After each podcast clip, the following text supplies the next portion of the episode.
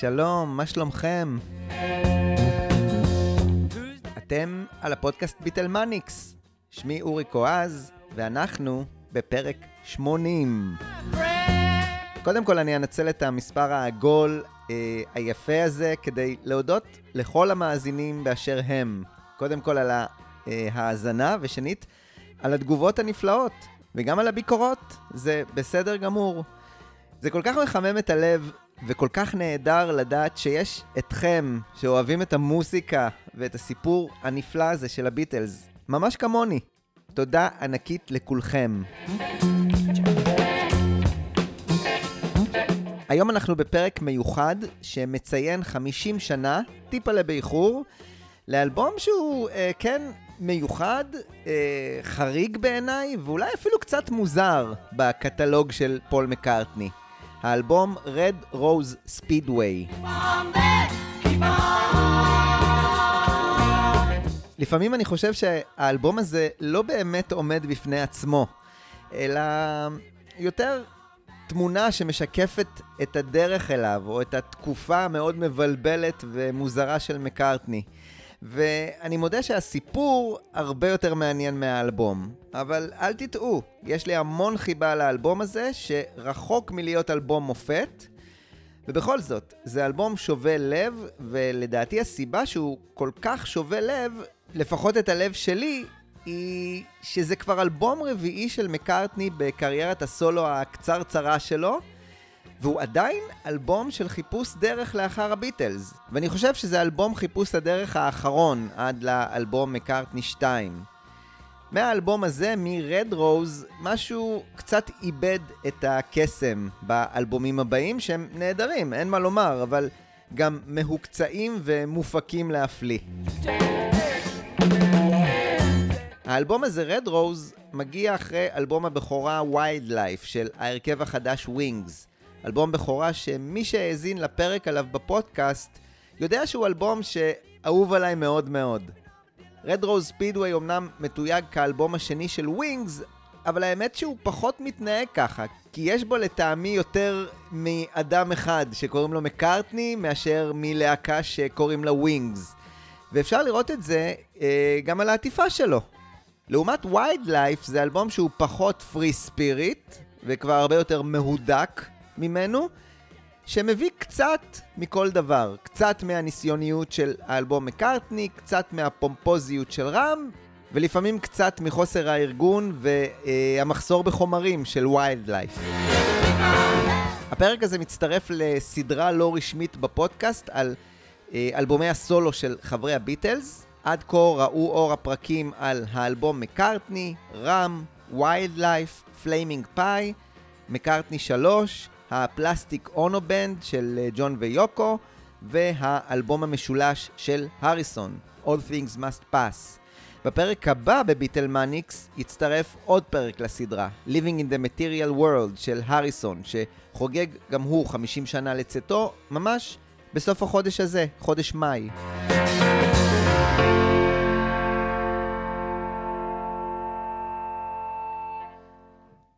כדי להתחיל את הפרק הארוך והמסועף והמעניין הזה על Red Rose Speedway, בואו נעשה בריף קצר על מה עבר על מקארטני מאז פירוק הביטלס, ואיפה עומד מקארטני שלנו בתחילת התקופה הזו שאנחנו עומדים לעסוק בה.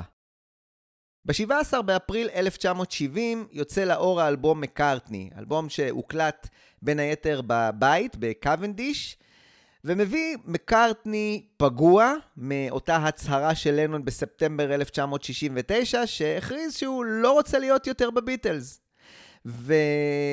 ומקארטני, שחשב שהוא לא צריך יותר אף אחד, מקליט לבד בבית, בסודיות, אה, את האלבום שלו, ואז משחרר ראיון עצמי, דווקאי, שמשוחרר יחד עם ערכת עיתונאים, שכוללת גם את האלבום לכלי התקשורת.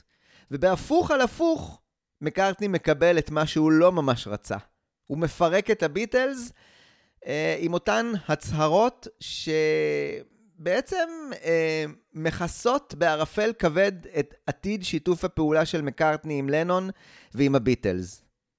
האצבע הזו בעין של לנון, יחד עם האלבום המוזר, אה, הניסיוני, האוונגרדי לעיתים, כמובן מחמירה את מצב היחסים בין השניים, ומשם מקארטני מפליג לו לניו יורק כדי לעבוד על הדבר הבא. אלבום אמיתי, כמו שג'ורג' מרטין לימד אותו לעשות באלבום אייבי רוד. הוא מגבש צוות נגנים שם בניו יורק ומקליט את רם. האלבום כנראה המופתי ביותר בכל קריירת הסולו שלו. אלבום נוקב, בועט, זועם, ובעיקר יפהפה להפליא. אה, אה, והייתה לו שם שותפה נאמנה באלבום הזה, לינדה, שקיבלה גם קרדיט משותף, והאמת, בצדק לגמרי. היא הביאה לאלבום הזה את הלב הפועם שלו, אה, והכי חשוב, קטעי שירה והרמוניות נפלאים.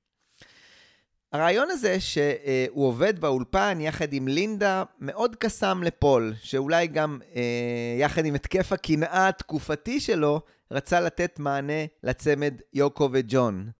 במהלך העבודות על Ram עולה גם הרעיון הזה, לייצר מין הרכב שגם לינדה תהיה חלק אינטגרלי ממנו.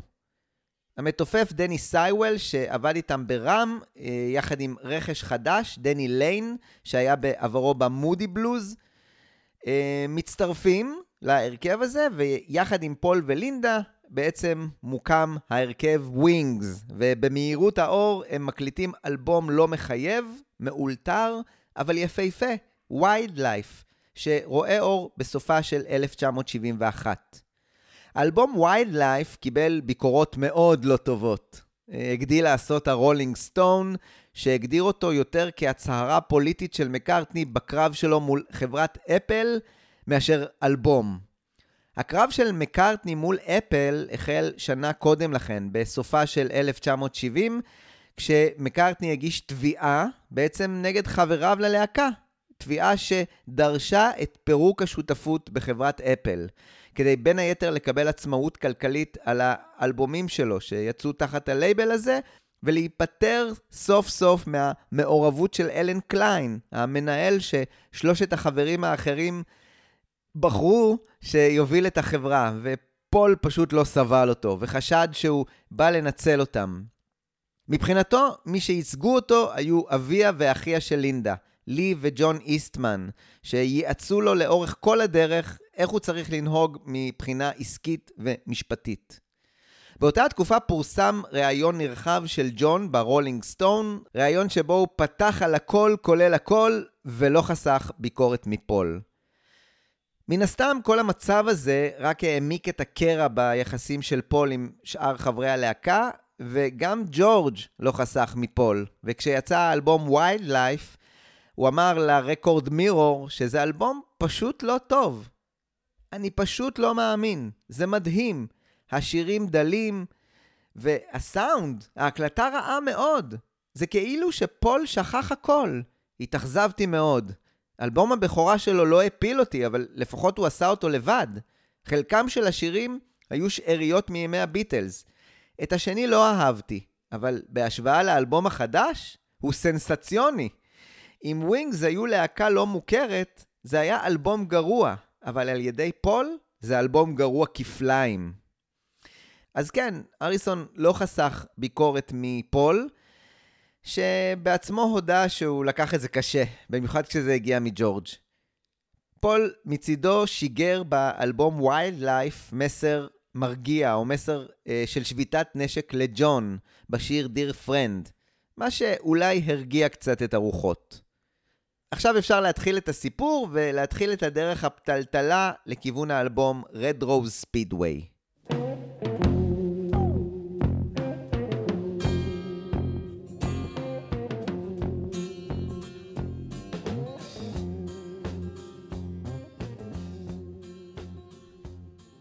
צריך לזכור שמקארטני של סוף 1971 הוא בחור בן 29, שמאחוריו להקת הביטלס ושלושה אלבומי סולו אה, והרכב חדש. תסכימו איתי שזו עובדה בלתי נתפסת. בשלב הזה, כשיש לו להקה או הרכב חדש, מקארטני רצה לממש את מה שהוא אה, חשב שהוא רוצה לעשות כבר המון זמן. למעשה, אה, לדעתי, הוא חשב על כך מהרגע שהוא השתכנע שהביטלס צריכים להפסיק להופיע אז, ב-1966. מקארטני רצה להופיע. ההעדפה שלו הייתה להופיע עם הביטלס. בסוף 1968 הוא ניסה ליזום הופעות של שירי האלבום הלבן בראונד האוס, מה שלא קרה לבסוף, ואז הוא ניסה לרתום את הביטלס לצאת לסיבוב הופעות קטן במועדונים, כמו שהוא קרא לזה. וגם אז זה לא צלח ונגמר במעין הופעת פשרה על גג משרדי אפל בסביל רו. ועכשיו, בתחילת 1972, אחרי כל התלאות הללו, ואחרי שהוא הוציא את מה שהיה לו לומר בשני האלבומים הראשונים שלו, ועכשיו, כשיש לו הרכב ביד, מקארטני היה מוכן לצאת להופעות המיוחלות, במיוחד לאור העובדה המרגיזה שמי שלא רצו להופיע עם הביטלס, ג'ון וג'ורג', כבר יצאו שניהם להופעות בלעדי הלהקה. ג'ון עם הפלסטיק אונו בנד שלו, וג'ורג' עם דלייני ובוני והחברים שלהם. אפילו רינגו כבר עלה על הבמה, במופע למען בנגלדש. זה לא היה הגיוני בעיני פול, שהוא, זה שדחף להופעות, נשאר משתרך מאחור. והנה שאלה שצצה לי בראש. הרי ב-1965 עלו תהיות לגבי קריירת סולו עבור מקארטני, כשהוא הקליט אז לבדו את יסטרדי. מדוע פול לא תפס בתקופה הזו את הגיטרה האקוסטית, ופשוט הופיע סולו על הבמה? אז התשובה כנראה היא שהייתה חשיבות רבה מבחינתו להופעה עם הרכב. ככה מקארטני ראה ויראה בעתיד פורמט אמיתי של הופעה, רק עם הרכב. במידה מסוימת הפרק הזה מאוד ממשיך את הפרק הקודם, אה, שדיבר על אוגוסט 1966 ועל הפסקת ההופעות של הביטלס ושל מקארטני, שמאז ועד לפרק הזה, שידבר בין היתר על חידוש ההופעות שלו, לא הופיע, וזה מדהים מאוד. מוסיקאי צעיר, בשיא כוחו, שלא הופיע במשך חמש וחצי שנים. פשוט לא נתפס. הדיבורים על ההופעות החלו כבר באולפן באזור קיץ 1971, כשווינגס הקליטו את Wild Life. פול דיבר על כך בכמה הזדמנויות באולפן, ומי שהאזין היה ג'ון מוריס, אה, בין היתר מפיק אמריקאי, שבאותה השנה, ב-1971, עבד על ההקמה של תיאטרון הריינבואו, שהיה קודם לכן הפינסברי פארק אסטוריה, אולם קולנוע שהפך עם השנים גם לאולם הופעות. אה, גם הביטלס הופיעו בו וגם הביץ' בויז כשהם הגיעו ללונדון, ואחת ההופעות שם הוקלטה אפילו עבור אלבום של הביץ' בויז. ג'ון מוריס שמע ונדלקה לו נורה מעל הראש. פול מקארטני מחפש להופיע, הוא מקים את ה Rainbow, וצריך לומר שאותו מוריס גם הכיר את לינדה מהימים שלה באמריקה כצלמת. מוריס נפגש עם המקארטנים והציע לפול להופיע ב Rainbow החדש עם ההרכב החדש שלו. כמו במקרה של הביטלס וה Roundhouse בסוף 1968, העניין או ההצעה של מוריס הספיקו כבר להתפרסם, הפעם ב Melody Maker. מקארטני שמע את ההצעה של מוריס, ואני יכול להניח שזה כנראה גם אה, קסם לו, אבל הייתה לו בעיה. הוא לא הרגיש שההרכב שלו מספיק מהוקצע. זאת אומרת, שאין לו מספיק קילומטראז' אה, על הבמה כדי לעלות להופיע במקום החדש הזה, שכבר נחנך על ידי דהו. אז יכול להיות שמקארטני, אחרי כל הביקורות הרעות על האלבומים שלו, באמת פחד להתבזות. אבל אני חושב שהייתה שם עוד סיבה. מקארטני רצה להצדיק או להכשיר את ההרכב החדש שלו כמשהו נפרד מהביטלס, ולא ככזה שממשיך את המומנטום שלהם. כדי לעשות את זה, הוא רצה לבנות את ההצלחה של ההרכב הזה מאפס, או אם תרצו, מעין המבורג. הכוונה של מקארטני הייתה להתחיל עם מה שהוא הציע לביטלס אז בפרויקט גט בק, להיכנס לבן ולהופיע במקומות קטנים מאוד, ממש כמו איזה הרכב אנונימי שלא חבר בו איזה אחד, פול מקארטני. ידידי תומר קריב קרא לזה גימיק, ואני יכול מאוד להסכים גם עם זה.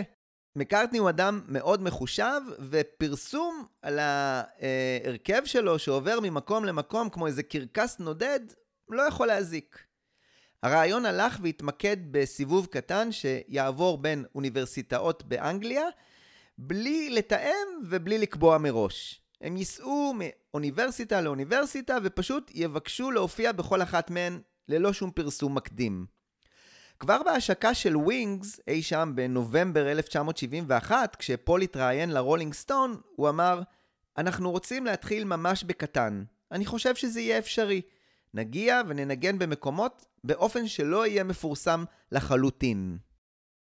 מקארטני אמנם הקים הרכב חדש, אבל לנון תמיד היה בראש שלו, וכבר ברעיונות הללו הוא שידר אליו מסרים על גבי המגזינים הללו, שפול ידע היטב שג'ון קורא באדיקות. מאז חודש דצמבר 1971, העסקים של הביטלס היו בידיים של כונס נכסים, אחרי שמקארטני בעצם ניצח בתביעה שלו. בהמשך השנה אה, יבינו גם ג'ון וג'ורג' עד כמה אלן קליין היה לא טוב עבורם. ג'ורג' במיוחד, עם הטיפול הרשלני באלבום ההופעה למען בנגלדש. המסרים שפול שיגר על גבי המגזינים לג'ון היו מעורבים. פול זיהה שאפשר לפתור את העניין בין חברי הלהקה, ומסר לג'ון על גבי המגזינים שהוא מעוניין סופית לפרק את השותפות של הביטלס, אה, ולחלק את הכסף, ולהיפרד בעצם אה, גם עסקית וגם אומנותית. מצד שני, פול ליטף, ואמר שהוא מאוד אוהב את האלבום Imagine, אבל ששאר הדברים שג'ון עשה עד כה היו די פוליטיים. ג'ון, שכמובן לא פספס את מה שאמר פול על גבי המגזינים, פרסם מכתב תגובה פתוח לפול ב Melody Maker. אז אתה חושב ש Imagine הוא לא פוליטי? זה Working Class Hero עם סוכר עבור אנשים קונסרבטיביים כמוך. ובכל זאת, גם ג'ון הבין שהגיעה העת לשביתת נשק, והוא כתב במכתב הזה לפול, אני יודע שבבסיס אנחנו רוצים את אותו הדבר. כמו שאמרתי לך, בכל זמן שתרצה נוכל להיפגש. כל מה שתצטרך לעשות זה להתקשר. באמצע דצמבר, קצת אחרי שחרור האלבום Wild Life, הגיעו כל חברי Wings לניו יורק, ושם הם החלו לעשות חזרות. הבחירה בניו יורק התאימה לכולם בגלל ההתחייבויות של דני סייוול, וזו הייתה הזדמנות מצוינת של לינדה לבקר גם את משפחתה.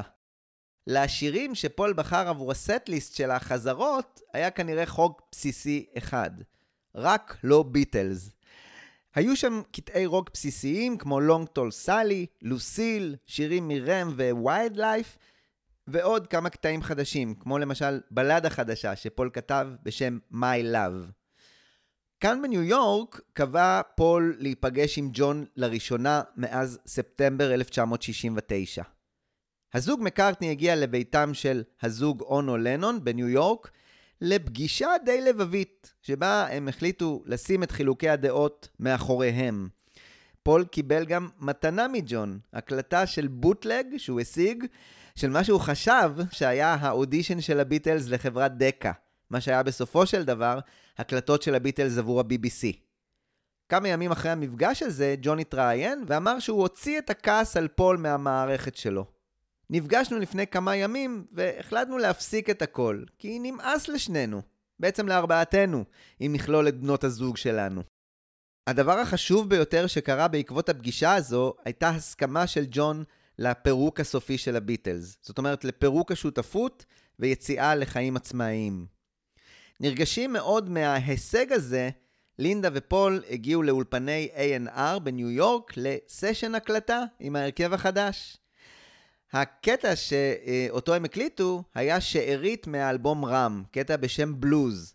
בפברואר 1971 מקארטני הקליט אותו בסשנים של רם, כשהוא ניגן על כל הכלים.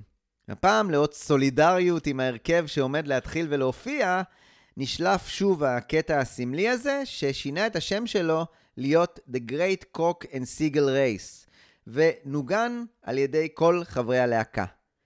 אה, לכן את הקטע הזה תוכלו למצוא גם ב Archive Collection של Ram, וגם אה, בזה עבור Wild Life.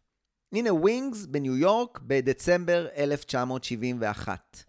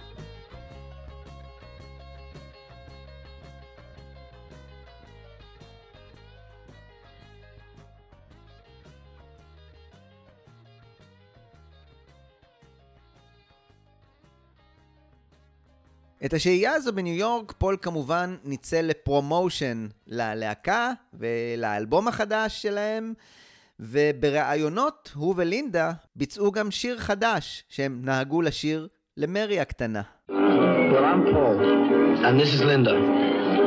Paul and Linda. We're in a group called Wings. Good evening, everybody.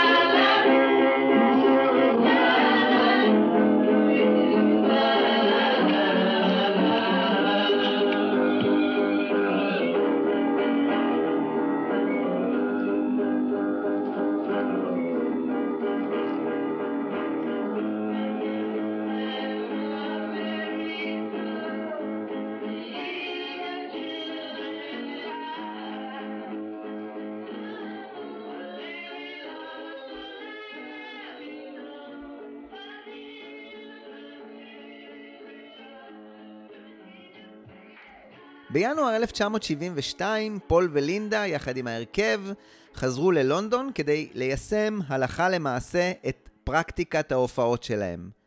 פול פנה לאותו ג'ון מוריס שעבד על ה Rainbow ונתן ל Wings את ההצעה להופיע שם, וביקש פרטים של סוכנות לונדונית שעובדת עם אוניברסיטאות וקולג'ים בבריטניה.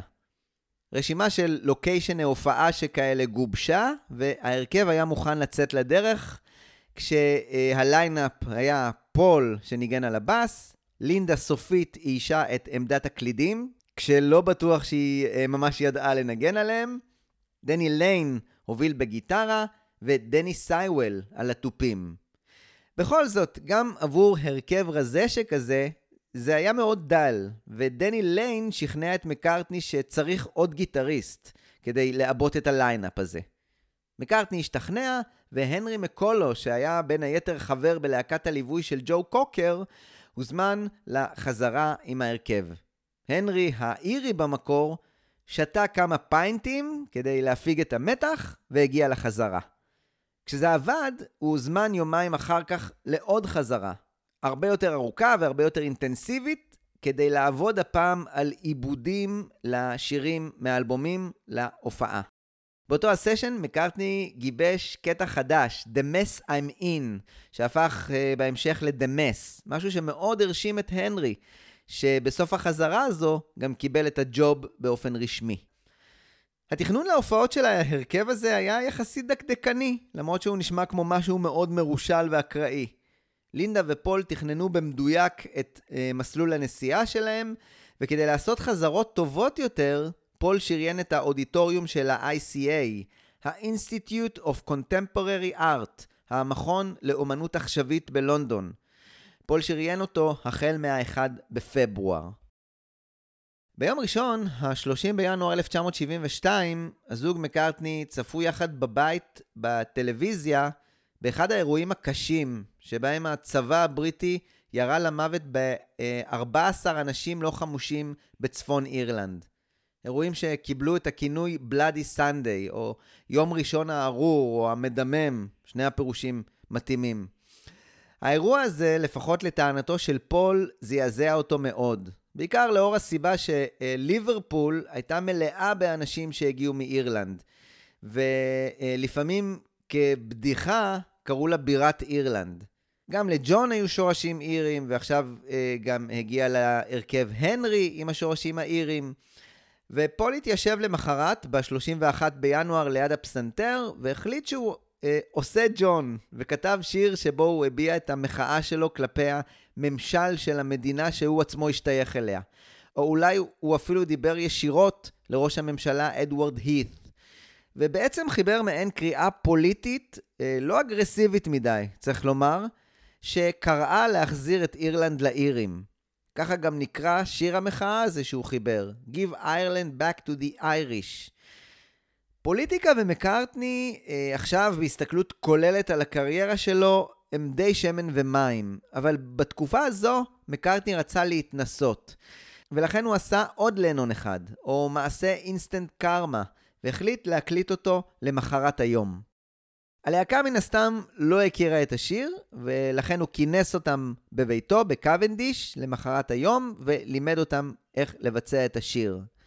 לקוונדיש הוא הזמין גם צוות צילום שהוא אה, שכר כדי לצלם את החזרות באודיטוריום של ICA. אפשר לראות בהם את אה, מקארטני, יחד עם הנרי ודני ליין, עומדים בסלון הבית ופשוט מנגנים ומתאמנים. משם צוות הצילום והלהקה עברו ל-ICA כדי להמשיך את החזרות גם לסיבוב ההופעות ההולך ומתקרב.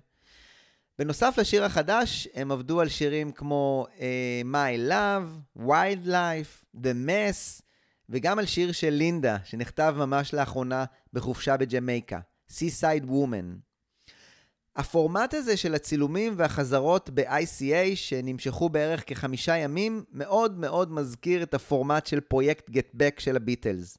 מנגנים המון את אותם השירים, אה, הפעם לא עבור מופע אחד ולא עבור אלבום, אלא עבור סיבוב הופעות, כמו שמקארטי כל כך רצה שיהיה עם הביטלס. בואו נשמע את אחת הגרסאות משם לשיר החדש, הטרי והפוליטי של מקארטני.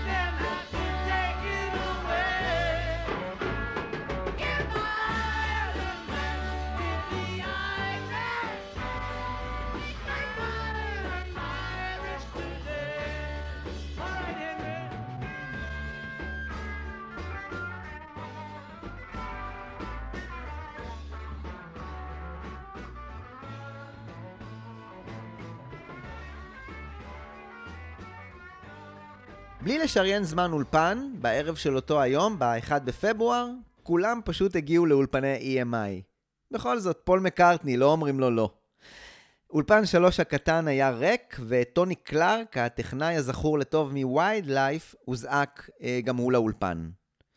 למרות שאלה כבר לא היו ימי הביטלס העליזים, אה, מקארטני דווקא חשב שכן. הלהקה החדשה שלו עבדה עד לפנות בוקר על השיר הזה, והסממן הכי ייחודי להקלטות הללו הם בעצם נגיעות slide guitar שהוסיף הנרי לבקשתו של פול, שאולי אה, רצה קצת ממה שג'ורג' עשה באלבום שלו. באופן כללי אני מזהה את טביעת ה-wall of sound בקטע הזה, בעיקר בסיום הפומפוזי של השיר. יומיים אחר כך, בשלושה בפברואר, העבודה על השיר הזה הסתיימה, אבל לא באולפני EMI, אלא באיילנד סטודיו בלונדון. ונוצרה גם גרסת ה-B-side האינסטרומנטלית לשיר, שקיבלה את הכינוי version.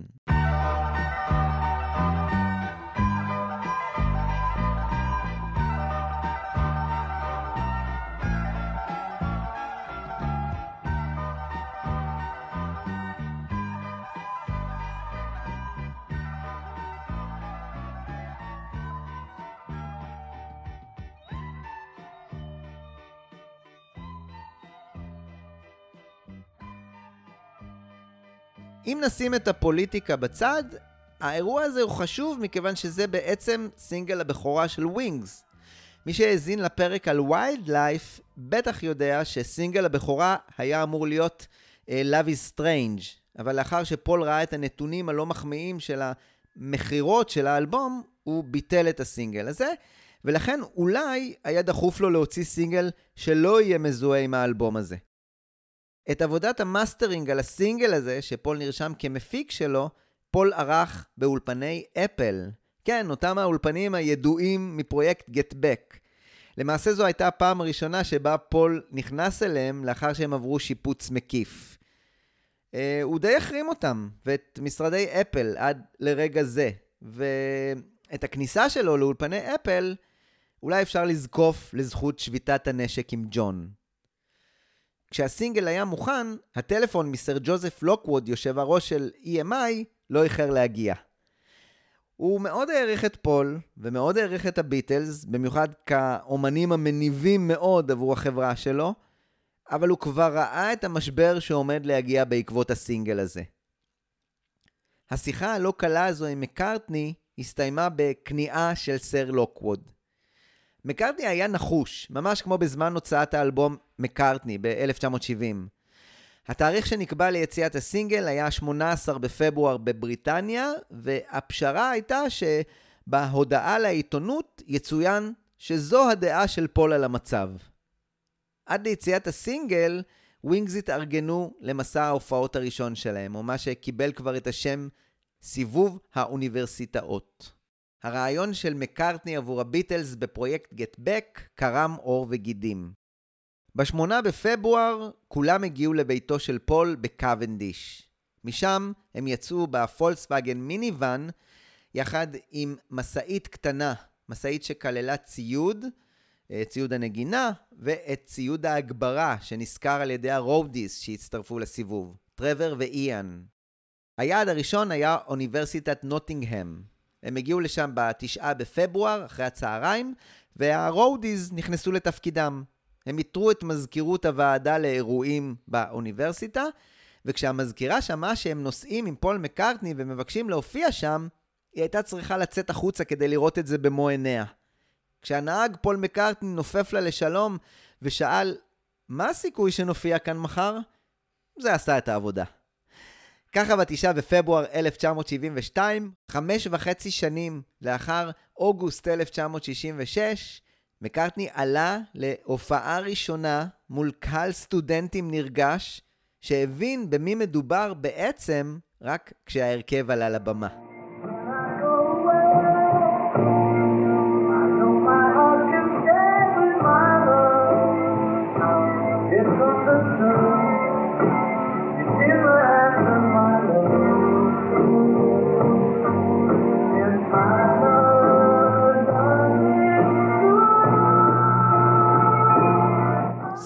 ההופעות הזה לא היה חף מבעיות.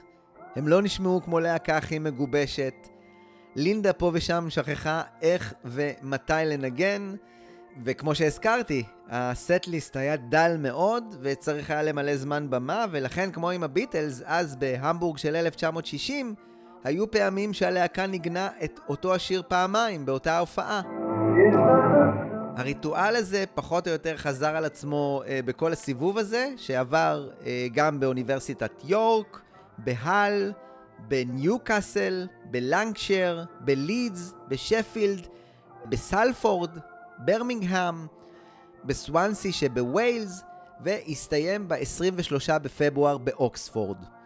הייתה כוונה להופיע גם באוניברסיטת ליברפול, אבל בגלל כשל תכנוני, כשהם הגיעו לעיר ביום ראשון, היא הייתה פשוט נטושה. כמו בהופעה בקנדלסטיק פארק ב-1966, גם את ההופעות ב-tour הזה, ההרכב, אה, בכוונה או שלא, סגר עם Long Tall Sally. ואני מניח שהסיבה הייתה שזה קטע שהשאיר טעם של עוד והראה את כל האנרגיה הבימתית של פול.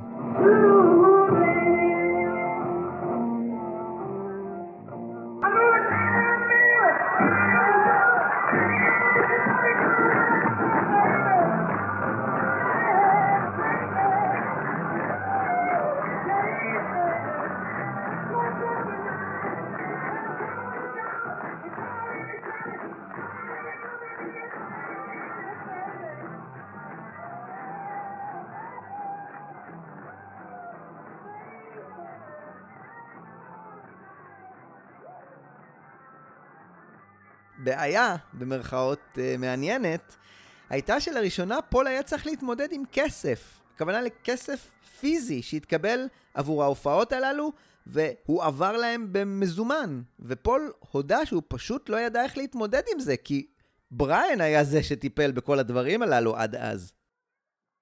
באמצע סיבוב ההופעות הזה, כאמור, ראה אור ב-18 בפברואר הסינגל הראשון של ווינגס, Give Ireland Back to the Irish. אם לנון היה יכול לקבל תשומת לב בעזרת שערוריות פוליטיות, גם מקארטני רצה לטעום את הטעם, והוא אכן טעם. ה-BBC החליט מיידית להדיר את הסינגל הזה מרשימות השידור שלהם, והתפתח פולמוס סביב ההחלטה הזו, מכיוון שלא כולם תמכו בה. למשל השדרן והמנחה ג'ון פיל חשב שהחרם הזה הוא גרוע יותר מכל אמירה פוליטית כלשהי, ושאין סיבה שפול מקארטני לא ישמיע את הדעות שלו. צריך לומר שפול לא היה מופתע מאוד, ולטעמו, אם לא הרדיו ישמיע, אז הטלוויזיה. ובעזרת כמה צילומים שנערכו ב-ICA ובבית, הם יצרו פרומושנל פילם עבור השיר הזה, אה, וניסו לקנות זמן שידור, אבל הם לא חשבו שגם רשתות הטלוויזיה לא ירצו את תפוח האדמה הלוהט הזה, והם נהנו בשלילה. אין טוב יותר לאומן שרוצה להזניק את הקריירה שלו עם הרכב חדש מאשר איזו החרמה טובה. בעצם נוצר מצב שאת השיר החדש הזה, הסטודנטים בעצם שמעו רק על הבמות בסיבוב ההופעות הזה, בלי אפשרות לשמוע אותו בכלי התקשורת. חברת אפל פרסמה מודעה שאמרה מדוע להחרים את פול מקארטני, ובקטן קראה לרכוש את הסינגל בחנויות התקליטים. הדמיון, ההמשכיות בין סיבוב ההופעות האחרון של הביטלס באמריקה ב-1966, תחת אותו הצל של האמירה של לנון על הנצרות, לבין הסיבוב הזה של ווינגס תחת הצל של החרמת הסינגל שלהם, אני חושב פשוט מדהים בעיניי. ואין לי שום סימוכין לכך, אבל אם הייתי צריך להמר, אה, הייתי אומר לא ממש מקרי. זה כאילו שמקארתי רצה באמת להמשיך מאותה נקודה שבה נפסקה קריירת ההופעות של הביטלס. תחת אש. ב-23 בפברואר החבורה חזרה ללונדון, והפעם אחרי הספתח הזה על הבמות, התיאבון לאולפן גדל, והרצון למנף את זה לאלבום חדש של הלהקה היה נוכח מאוד. מקארטני שריין את אולפני אולימפיק בלונדון, החל מה-6 במרץ, אבל רגע אחד, מה בדיוק מקליטים? אוסף השירים שהצטבר אצל מקארטני מהתקופה האחרונה לא היה ממש אחיד ברמתו. מעין אוסף אקלקטי של יצירות חדשות שהוא uh, כתב, שלא היו קוהרנטיות ודי התפזרו לכל מיני מקומות וז'אנרים. היה את uh, The Mess I'm In, שפזל לצד הרוקי, אבל הייתה גם בלדה בשם My Love. היה גם את Country Dreamer בסגנון קאנטרי, ואת הקטע 1882, הקצת קברטי, שהגיע עוד מהאלבום מקארטני. ועוד אה, חלקי שירים, כמו למשל את Power Cut, שנכתב בסיבוב ההופעות הזה, ואת Baby אה, Dynamite, שהיו בעצם שאריות או פירורים או חלקיקי שירים. והיה גם את Road All Night, שהוא קטע מדהים לטעמי מאלבום רם. ועוד קטע מאלבום רם, Get It On The Right Thing. בקיצור, מעין תערובת לא ברורה של uh, קטעים, שמקארטני היה אמור לשבת uh, ולעשות מהם חומר שאפשר להקליט באולפן. היה עוד קטע אחד מאזור האלבום רם. קטע שכשפול ישב וארגן את השירים עבור סשן ההקלטה שקבע באולימפיק, הוא שיחק איתו על היוקליילי שלו. למעשה זה קטע שכבר הופיע באלבום רם כסיומת לקטע רם און.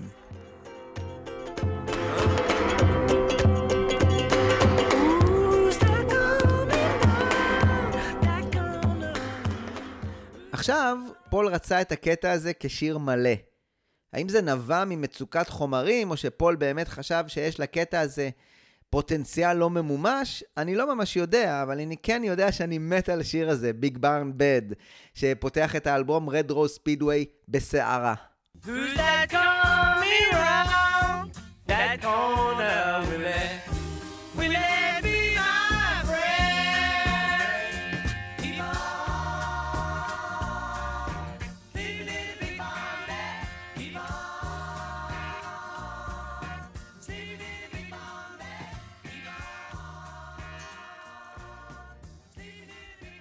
מי שנקרא לדגל עבור האלבום הזה היה הטכנאי גלין ג'ונס, ואתם בטח זוכרים את השם הזה כטכנאי slash מפיק של פרויקט Get Back, ומי שהיה אמור לספק את האלבום Get Back. אני חושב שזה לא מקרי שהמילה Get Back עולה כאן בפרק הזה כל כך הרבה פעמים. אם אני מבין נכון, התקופה הזו של פול בחייו, יחד עם ההופעות של ווינגס, וגם האלבום הזה, הם מעין סגירת מעגל עם פרויקט Get Back, ואם אני אפליג עוד בדמיון, מעין תשובה או תגובה מאוחרת של מקארטני אליו. גלין ג'ונס אגב סימל את כל מה שמקארטני רצה מהאלבום ההוא של הביטלס ולא קיבל מפיל ספקטור. מאז אגב, אה, גלין הספיק להיות טכנאי ולעיתים גם מפיק די מוערך. הוא עבד על האלבום המופלא אה, Who's Next של The Who, הוא עזר לדילן באלבום המורכב והיפה שלו Self Portrait, אפילו עבד עם הסטונס על Sticky Fingers, וממש ממש עכשיו סיים לעבוד עם האיגלס על האלבום הראשון שלהם, באותם האולפנים ששריין פול, אולפני אולימפיק. גלין, שאומנם נכווה בפרויקט הזה עם הביטלס, עדיין חשב שזה די אטרקטיבי לעבוד עם מקארטני, ואפשר בעצם רק ללמוד מהתהליך הזה. בשישה במרץ 1972, הלהקה הגיעה לאולפני אולימפיק כדי להתחיל את העבודה על האלבום החדש שלהם.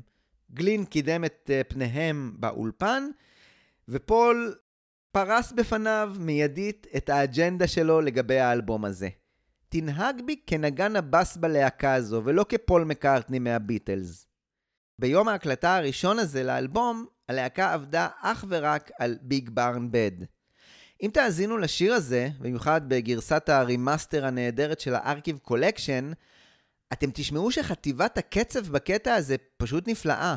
בס עוצמתי ותופים מלאי נפח. גלין, ששמע את נגינת הבס של פול בתחילת העבודה, שמע שהיא מעט מעומעמת ושטוחה. מה שהוא רצה זה את הסאונד הבשרני של Paperback Writer. אחרי כמה שפצורים ושימוש של גלין במיקרופון האהוב עליו, ה-U67, במקרה של התופים הוא השתמש בשלושה מיקרופונים שכאלה, גלין הצליח להשיג את מה שהוא רצה. וגם מקארטני התלהב מאוד מהתוצאות של המיקרופון הזה.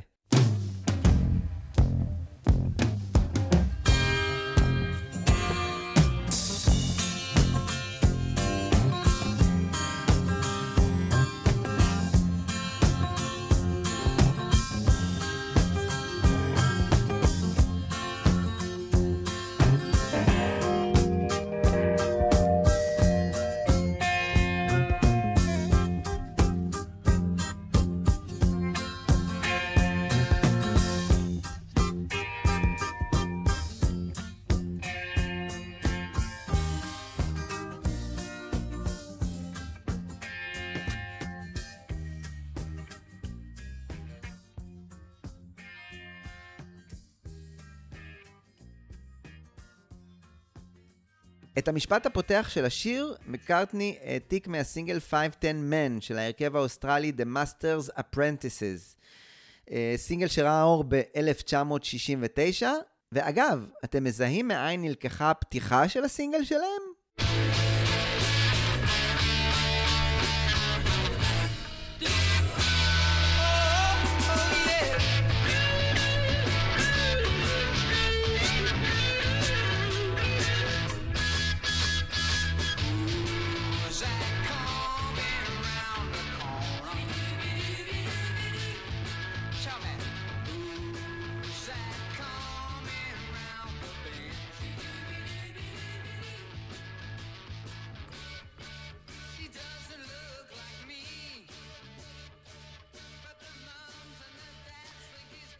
צעקתם או oh, darling, אז גם לי זה נשמע ככה, ואולי מקארטני חשב שהגונב מגנב פטור, והרשה לעצמו לקחת משפט מהשיר שלהם כדי לפתוח את Big Barn Bed.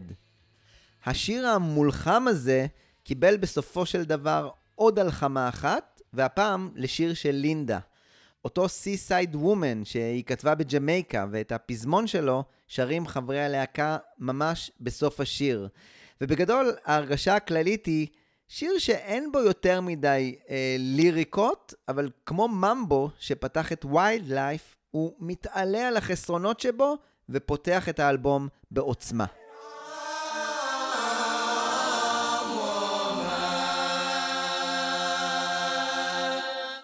ביום המחרת, השבעה במרץ, חברי הלהקה הגיעו כדי לעבוד על השיר הבא עבור האלבום, When the Night. הפעם פול התיישב על הפסנתר וניסה לשיר בסגנון מוטאון doo-woppy. אבל כדי לייצר עניין סביב הקטע הזה, שני הגיטריסטים, דני ליין והנרי מקולו, הוסיפו נופח ספרדי עם line גיטרה קלאסית אה, שאפשר לשמוע ממש בהתחלה של השיר. עבורי זה שיר פשוט נהדר, בדגש על שני דברים. ה vocals של מקארטני, שמחזירים אותי לביצועים הגדולים שלו, וההרמוניות היפהפיות שמאוד מאוד מאוד מאפיינות את האלבום הזה. יחד השילוב הזה עושה את השיר הזה לאחד הקטעים היפים באלבום.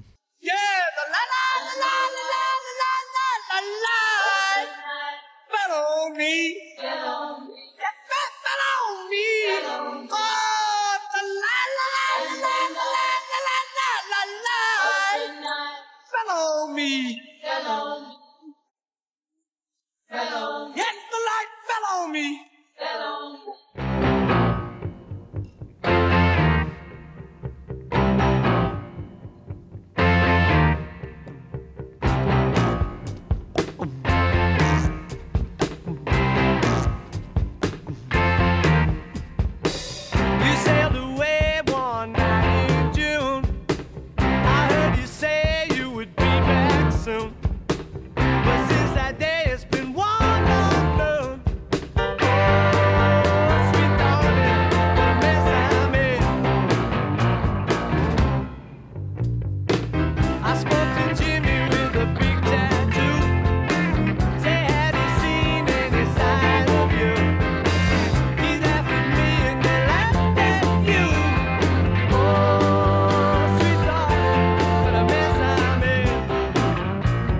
הקטע שאני מצטער מאוד שלא נכנס לאלבום ולקטלוג של מקארטני הוא The Mess, שהתקצר מ-The Mess I'm In. והזכרתי אותו קודם, ואת החלק שלו ב set list של ווינגס בסיבוב האוניברסיטאות. בשמונה במרץ, מקארטני חשב שזה אך טבעי שהקטע הזה עומד להיות חלק מהאלבום החדש. הלהקה עבדה עליו אה, במשך אותו היום באולפני האולימפיק, ואם להיות כנה, זה יחסית ביצוע חיוור לעומת הביצוע מהסיבוב הבא של ווינגס, שאדבר עליו בהמשך. אבל לטעמי הביצוע שם של The Mess מייצג את כל הטוב, את העוצמה ואת הפנטסטיות של סיבוב ההופעות Wings Over Europe, שנערך בקיץ, והרים את הלהקה הזו לגבהים.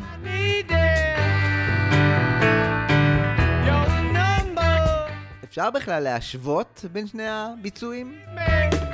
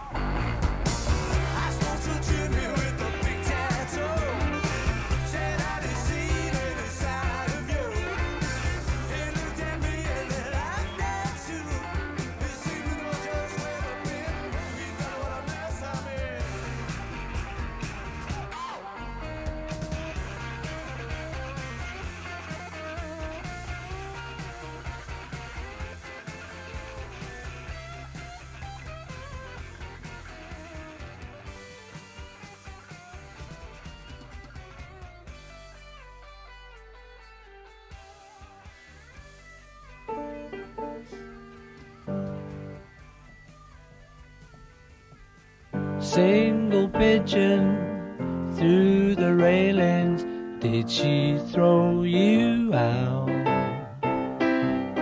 Sunday morning fight about Saturday night.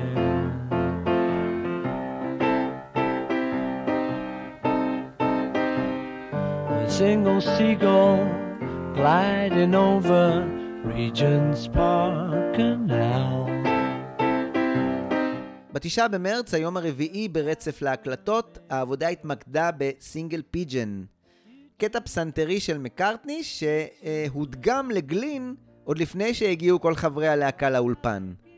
כשכולם הגיעו, דני סייוול ניגש אה, דווקא לגיטרת הבאס, ודני ליין תפס את עמדת התופים.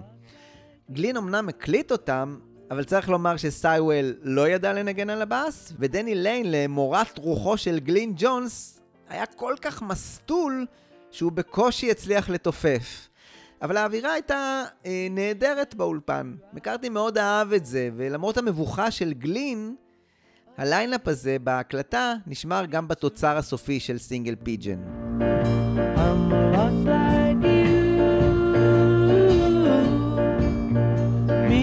מאוחר יותר בספטמבר, כשהתווספו הקולות הנהדרים והאוברדאבים של כלי הנשיפה, זה יהפוך לשיר קטן וחמוד שמאוד מתכתב ומזכיר לי את הגישה של פול במרתה מי דיר מהאלבום הלבן. על המוטיב הזה של האלבום הלבן הכאוטי שיחזור על עצמו בהקלטות לאלבום החדש של מקארטני אני אדבר עוד בהמשך.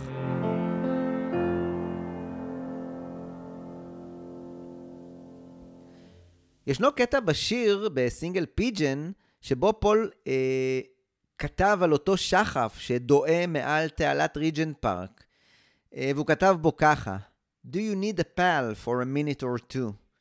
ואז הוא עונה גם You do. ואז כמובן הגלגלים בראש עובדים אה, לכיוון ביוגרפי. האם זו הבדידות של פול? ומי זה אותו ה pal שהוא צריך? טוב, אבל זה כנראה רק אני. מוזיקלית, יש דמיון חשוד בין השיר הזה של פול לקטע בשם Wrapping Paper של קרים מ-1966. Wrapping paper in the gutter, moving slowly as the wind on the sea. Faces calling, waves moving. In your picture on the wall of a house of old time. Can you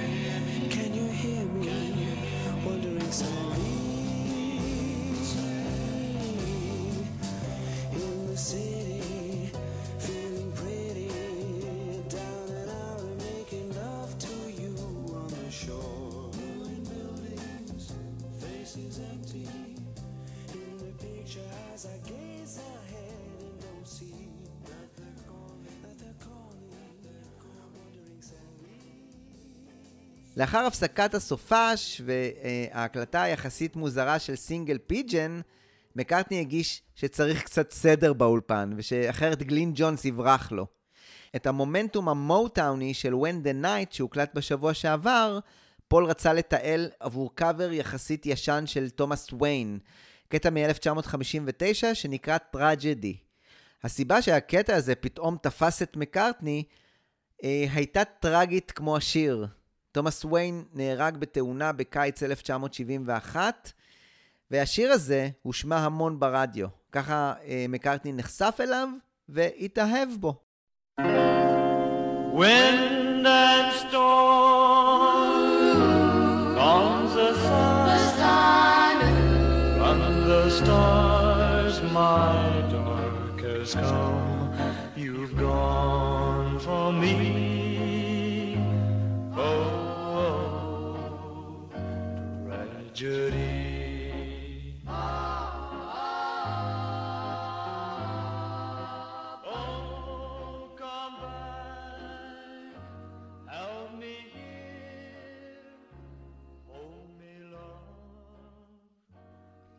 הגרסה של מקארטני לא הלכה רחוק מדי מהקאבר, אבל יש בה משהו עדין, מלאכי ויפהפה. ובמצב הזה, כשצריך שירים עבור האלבום, הקאבר הזה נכנס למאגר השירים עבורו. Wind and storm, the sun. From the my has come.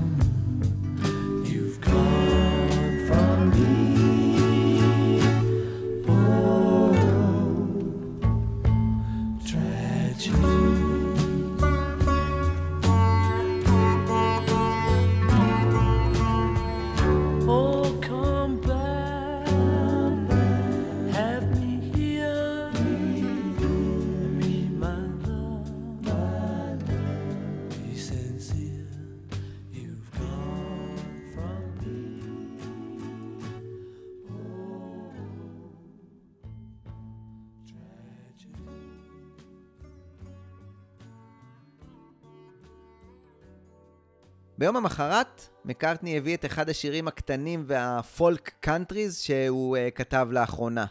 שיר בשם Mama's Little Girl. הפעם אה, רק טריו מההרכב הקליט את הקטע הקטן הזה, או איך שאני אוהב לקרוא לו, ההמשך ל- Mother Nature's Son מהאלבום הלבן. כן, שוב האלבום הלבן. מקארטני על האקוסטית, דני ליין על הבאס ודני סייוול על כלי ההקשה. כלום לא נעשה עם השיר הזה בתקופה הזו בקריירה של מקארטני, אה, אבל בסוף שנות ה-80 מקארטני הקליט אותו שוב עבור ה-B-side ל-Put It There מהאלבום Flowers in the Dirt. אה, אבל עכשיו נשמע כמה צלילים מתוך הסשנים ל-Red Rose Speedway.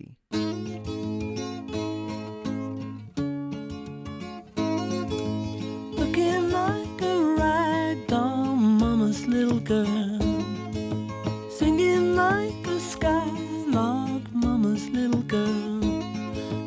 Give me some time for this heart of mine, cause I just can't take it all in.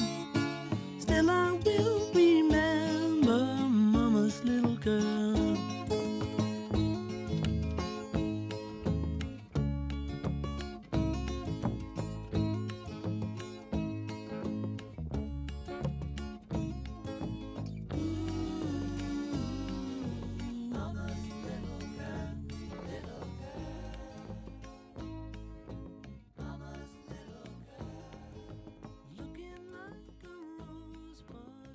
ב-15 במרץ המודל הזה של עבודה על שיר ליום קצת נשבר כשהחלה העבודה על הקטע אה, שכנראה אה, הוא הכי מעניין באלבום המתקרב הזה של ווינגס ומקארטני. העבודה ביום הזה החלה תחת אה, תחושת אופוריה של לינדה ופול שקיבלו בפעם הראשונה אישור רשמי לעבודה המשותפת שלהם יחדיו. הם זכו בפרס גרמי עבור הקטע אנקל אלברט אדמירל הלסי מתוך האלבום רם, שיצא כסינגל בארצות הברית.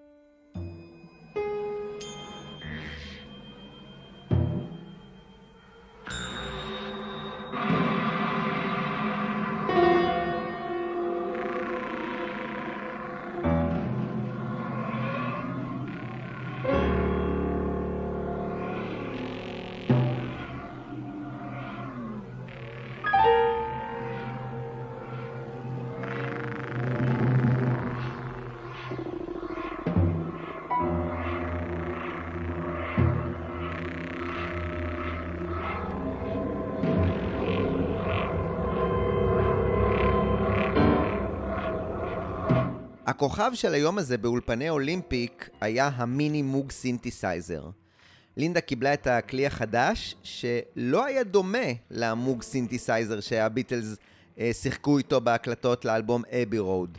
שם היה מדובר בכלי מפלצתי שכלל מעין לוח מרכזייה אה, גדול עם המון כבלים ומקלדת שיצרה את הצלילים על פי אה, החיווטים השונים. הפעם חברת מוג בראשותו של רוברט מוג אה, יצרה סינתסייזר קטן מימדים עם מערכת קלידים קטנה ומעין לוח בקרה קטן שהיה אחראי על כל עניין שינוי התדרים והצלילים. מערכת מאוד ידידותית למשתמש ולכן הייתה מתאימה עבור כל איש קלידים, גם אשת קלידים מתחילה כמו לינדה. מי שהאזין לפרקי הסדרה מריבולבר לפפר יודע שכבר אז, בתחילת 1966, מקארטני החל להתעניין באוונגרד ויצירות שלאו דווקא אה, נשמעות כמו אה, מוסיקה פר סה, אלא יותר כיצירות אומנות.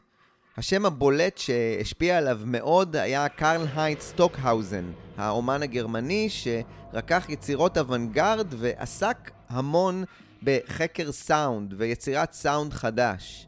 הנושא הזה ריתק מאוד את אה, מקארטני ואת התוצאה המיידית של העניין ההולך וגובר שלו, כמובן שמעתם בריבולבר. באלבום Abbey Road, המוג סינתסייזר שהביא הריסון ללהקה, שימש יותר מעין קישוט נחמד אה, לאלבום, ותמיד תהיתי ביני ובין עצמי מה היה קורה הלאה, אם הביטלס היו ממשיכים את העבודה אה, עם המוג, והשאלה הנשאלת היא, איך המוג לא הגיע לפחות לאלבום מקארטני? והתשובה אולי קשורה ליחסים הרעועים עם הריסון בתקופה הזו, כי המוג היה כאמור מאוד משוייך אליו. הקטע קונטקטה של סטוקהאוזן שאנחנו שומעים ברקע הוא קטע ארוך מאוד, מעל חצי שעה, שנוצר ב-1960, והיה אחד הקטעים שעודדו את פול לחקור עוד את הז'אנר הזה של מוסיקה אלקטרונית ואוונגרדית. התוצאה של כל מה שדיברתי עליו עד כה הייתה קטע מוזר, ניסיוני וחדשני יחסית, בשם Loop, ובסוגריים First Indian on the Moon.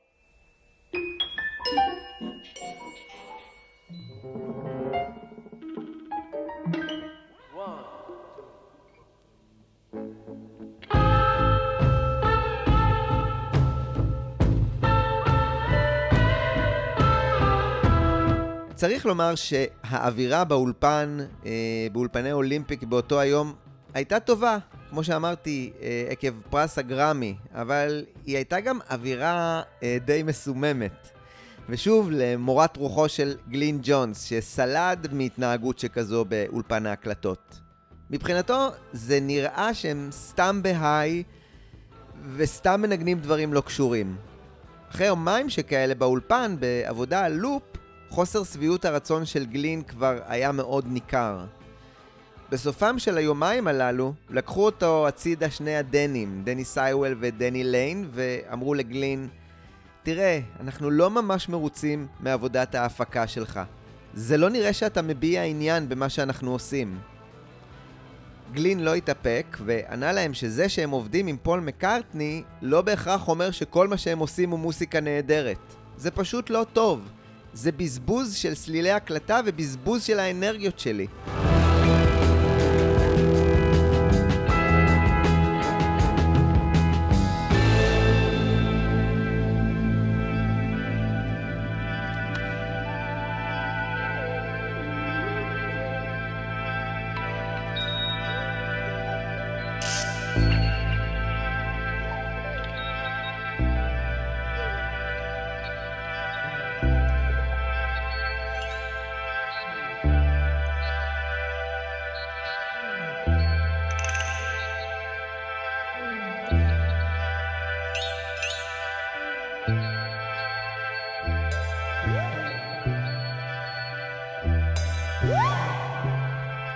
בסופו של דבר, התוצאה הסופית של Loop אה, היה קטע שלא ממש מזכיר את משחקי הסאונד של סטוקהאוזן.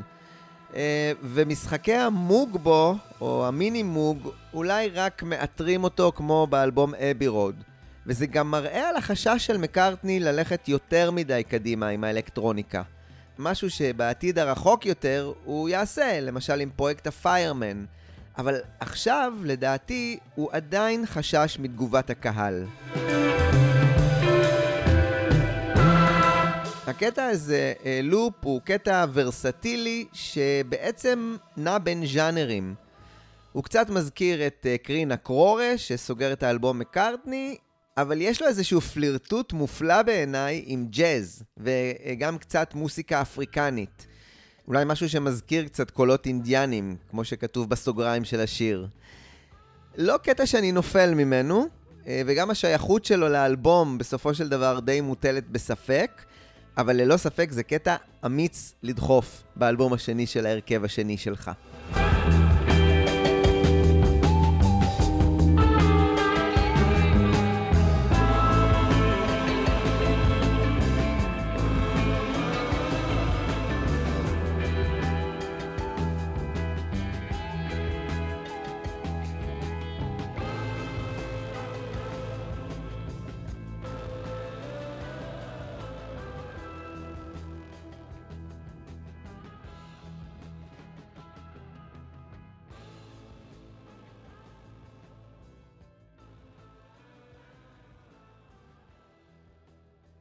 ב-20 במרץ 1972, מקארטני טיפל בצרה אחרת שהגיעה עוד אה, מימי האלבום Ram.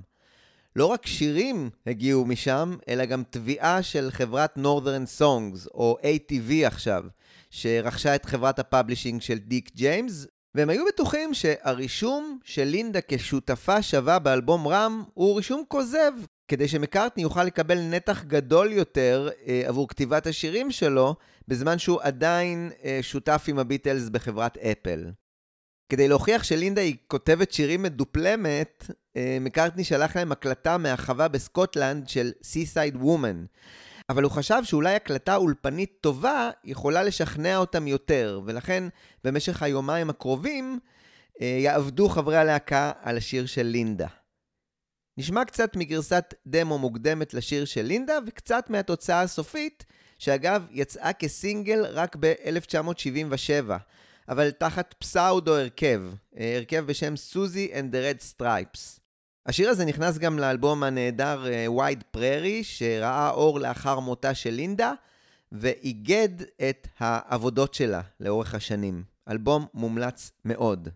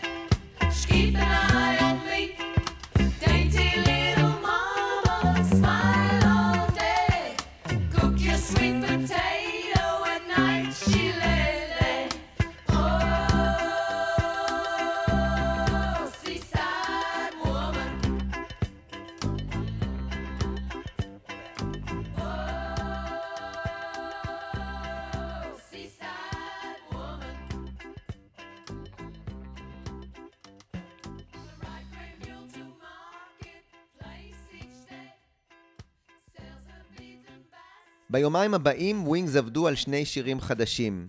האחד שיר בשם I would only smile, שיר שכתב, אה, וזה חידוש, דני ליין. ההזדמנות הזו שקיבל ליין אולי הייתה נעוצה בתסכול שלו, שהלך והתפתח, שהוא אה, לא מצליח לקדם את עצמו ככותב שירים בהרכב הזה. מקארטני כבר נזהר עם מקרים כאלה, אה, ראה ערך הריסון, אבל הבעיה עם דני ליין הייתה שהוא עדיין היה תחת חוזה publishing עם טוני סקונדה, שניהל בעבר את המודי בלוז. ואיך בעצם מחלקים ככה את ה royalties באלבום של ווינגס, כשיש עוד שותף לא קשור באמצע. זה צרה מאוד למקארטני, שבדק עם האיסטמנים איך אפשר לפתור את הסוגיה הזו. לי איסטמן הגיע גם ככה בתקופה הזו ללונדון, כדי לעגן את אה, חברי ווינגס בחוזה מסודר, ולהסדיר את החלוקה ברווחים של חברת אפל, כי צריך לומר, עד לרגע זה לא הייתה שיטת חלוקה מוסדרת, ולמעשה מקארטני לא קיבל שום תמלוגים מהאלבומים האחרונים שראו אור, מהאלבום מקארטני, מ-Let It Be, מרם, מ-Wild Life, אה, כולל גם הסינגלים שיצאו. בעיה נוספת שהגיע לי איסטמן לפתור הייתה ATV ובעיית התמלוגים המשותפים עם לינדה. בשנה הבאה עמד לפקוע החוזה של פול עם Northern Songs, ופול מאוד רצה שהשירים הללו יהיו שייכים לו. ההצעה של לו גרייד מ-ATV, שנבחנה על ידי לי איסטמן, הייתה הארכה של החוזה של מקארטני עד לסופה של 1979, ואז שחרור אחיזה שלהם מכל החומר שנכתב מ-1971 והלאה. אה, מתישהו אני אגיע לסדרה שאני מתכנן אה, על העסקים של הביטלס לפני ואחרי הפירוק, ושם אני אנסה להסביר את כל הנושא העסקי המסועף והמורכב שעמד מאחורי המוסיקה שלהם. נחזור ל-22 במרץ, שהוקדש לאותו קטע של דני ליין, קטע בנופך קאנטרי ווסטרן, שבשלב מסוים יישקל אפילו עבור האלבום, ויבוצע בסיבוב ההופעות הקרוב באירופה, בקיץ הקרוב.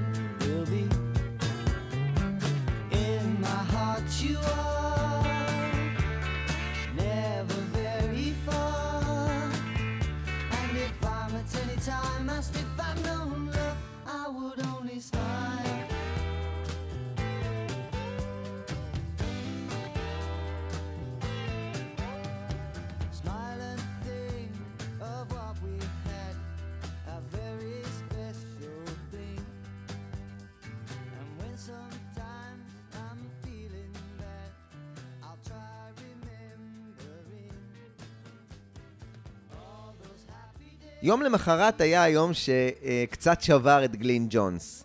אחרי הקלטה של תשעה קטעים בשבועיים, מקארטני הביא שיר בשם Thank You Darling, שאיך לומר, מאוד פרווה. גלין תהה בינו לבין עצמו, לאן נעלם אותו מקארטני אמביציוזי שהוא ראה בפרויקט Back, שיצירות מופת פשוט נפלו לו מהשרוול. מה שמעניין בשיר הזה הוא הקטע או המשיכה של מקארטני למילה darling. דיברתי על ההקלטות המוקדמות של הביטלס ב-1960 בבית של מקארטני, רגע לפני היציאה להמבורג, דיברתי על זה בסדרת תחילת ימי הביטלס, ושם בין שלל השירים המקוריים, הלא אפויים, היה גם שיר בשם Well Darling, שכתבו לנון ומקארטני. באלבום Abbey Road היה את Oh Darling, ועכשיו את Thank You Darling. שיר ש... אה, אה, איך לומר? שמלצי סחריני של מקארטני עם ליריקות לא ממש סגורות על עצמן. בטח לא חומר לשום אלבום, ואולי אפילו לא לבי-סייד. מה שגלין שם לב אליו הוא שלמרות האיכות הבינונית מאוד של השיר, אף אחד מחברי הלהקה לא פצה פה. גלין לא ידע שמקארטני בכלל לא התכוון לשלב את השיר הזה באלבום. הוא פשוט ניצל את זמן האולפן כדי שיהיו לו כמה דמואים, כדי שהוא יוכל, כמו בימים הטובים של הביטלס, לתת שירים לאומנים אחרים. Say,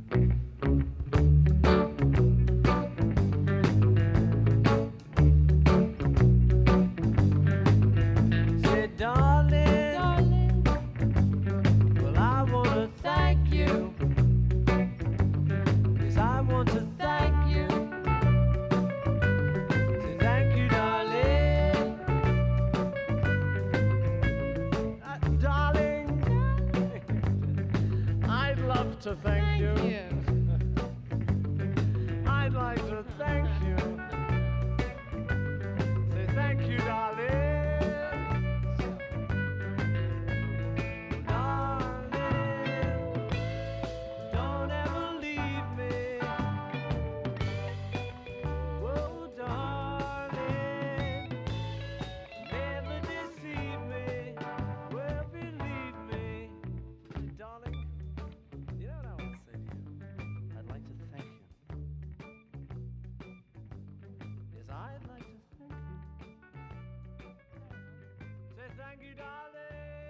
כדי להזרים דם חדש בלהקה, מקארטני החליט שהגיע הזמן לשחרר סינגל נוסף. אה, באותה שיטת האינסטנט קרמה, פחות או יותר. ב-27 במרץ הוא הפתיע את כולם באולפן כשהוא הכריז, שוב, לתדהמת כולם, שהוא רוצה לשחרר כסינגל את האדפטציה שלו לשיר הילדים Mary had a little lamb. הפעם חברי הלהקה לא נשארו אדישים. דני סייוול סיפר, לא הבנתי את זה. הנרי ואני היינו שני המורדים בלהקה, ואמרנו לפול, חשבנו שאנחנו רוצים להפוך ללהקת רוק אנד רול. מה לעזאזל ה shit הזה של Mary Had a Little Lamb? פול שלף עותק של ה-NME, והראה להם שמצעד הסינגלים היה מלא בבלדות וחידושים לשירים ישנים.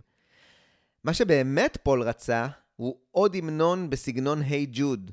במקום הנה נה נה נה של היי hey ג'וד, יהיה הפעם לה לה לה לה, וכולם יזמזמו את זה. הבחירה הזו הייתה מנוגדת מאוד לסינגל הקודם, שעסק בעניין הפוליטי הנפיץ, אבל במידה מסוימת אה, הייתה בבחירה הזו גם איזשהו לגלוג על כל מי שהחרים את הסינגל הקודם. הנה שיר שלא תוכלו להחרים. אחרי שיושרו ההדורים בין כל חברי הלהקה, ווינגס עבדו על השיר הזה לא פחות משלושה ימים באולפן. שמענו קודם את הדמו שניגנו פול ולינדה בריאיון בניו יורק לשיר הזה, והתוצאה הסופית הפכה לחגיגה של שיר ילדים שהתחיל אמנם כמו היי hey ג'וד על הפסנתר, אבל הלך ותפס אלמנטים או צלילים מעט ילדותיים, כמו למשל קסילופון, מנדולינה, אה, קצת מה Moog synthesizer, וכמובן אה, את קולות הלה לה לה לה שנועדו לסחוף את כולם. אבל אה, בכל זאת, הפסנתר נשאר ככלי מוביל בשיר. השיר הזה הוא גם הקש ששבר את גבו של גלין ג'ונס. לא עבור זה הוא יושב שלושה שבועות באולפן ההקלטות. עבור חברי הלהקה האחרים שלא הסתדרו עם גלין בלשון המעטה, העזיבה של גלין את ההקלטות היו די חדשות טובות, או כמו שסיכם את זה דני ליין, פשוט לא הכרנו אותו. צריך לומר שגלין כמקצוען כן חזר לאולפן בתחילת אפריל כדי לסיים את העבודה שלו על מרי had a little lamb. וצריך לומר שהוא השתדל לסיים את היחסים המקצועיים עם אה, מקארטני בטוב ובהומור, אה, ואומנם ג'ונס האב לא עבד יותר עם מקארטני, אבל אית'ן ג'ונס, הבן שלו, עבד איתו על האלבום מרובה המפיקים ניו מ-2013. You could hear them singing la la la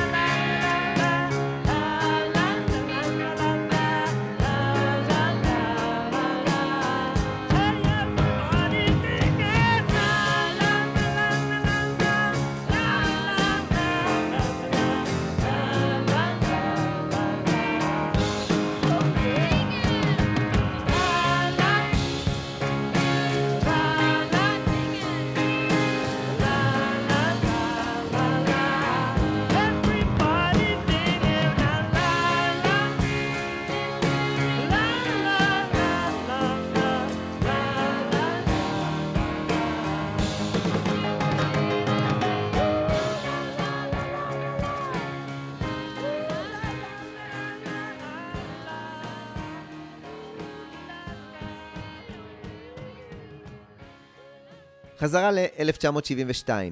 עבור הסינגל החדש שפול התעקש עליו, מרי had a little lamb, הוא היה צריך לבחור בי-סייד. ההתלבטות הייתה בין שני שירים מתקופת ההקלטות של האלבום רם. האחד היה uh, Little Woman Love, והשני היה Get on the Right Thing. אני אדגיש שאלה לא הקלטות חדשות מהסשנים הללו, אלא ממש הקלטות שנעשו בניו יורק אז, בהקלטות עבור רם, עם דיוויד ספינוזה, ובחלקים אחרים אה, השתתף גם יו מקרקן. לקטעים הללו נעשה מיקס חדש, והבחירה של מקארטני עבור הביסייד הייתה באמת בקטע החלש יותר, ב-Little Woman Love. אני מניח שהידיעה שאין לו הרבה קטעים חזקים עבור האלבום, שכנעה אותו להשאיר את uh, Get on the Right Thing uh, עבור האלבום. הנה קטע ממיקס מוקדם עבור Little Woman Love.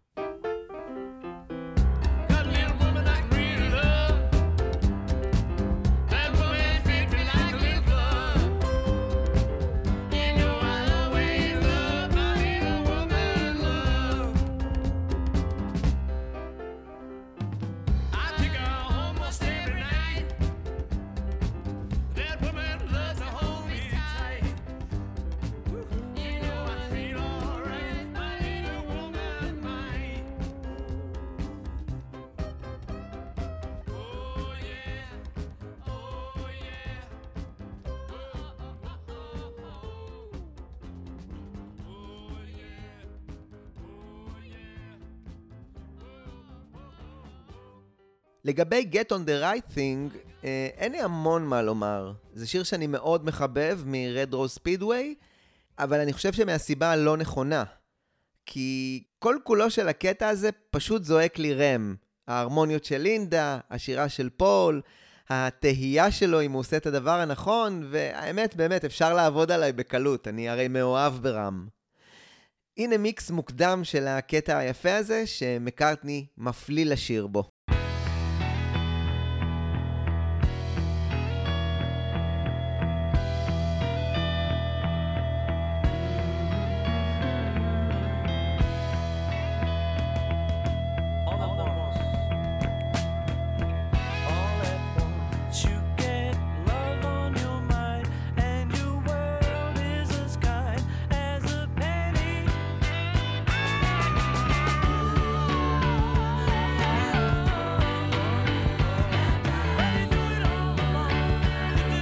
בשלב הזה למעשה הסתיימו ההקלטות, או הזמן שפול שריין באולפני אולימפיק.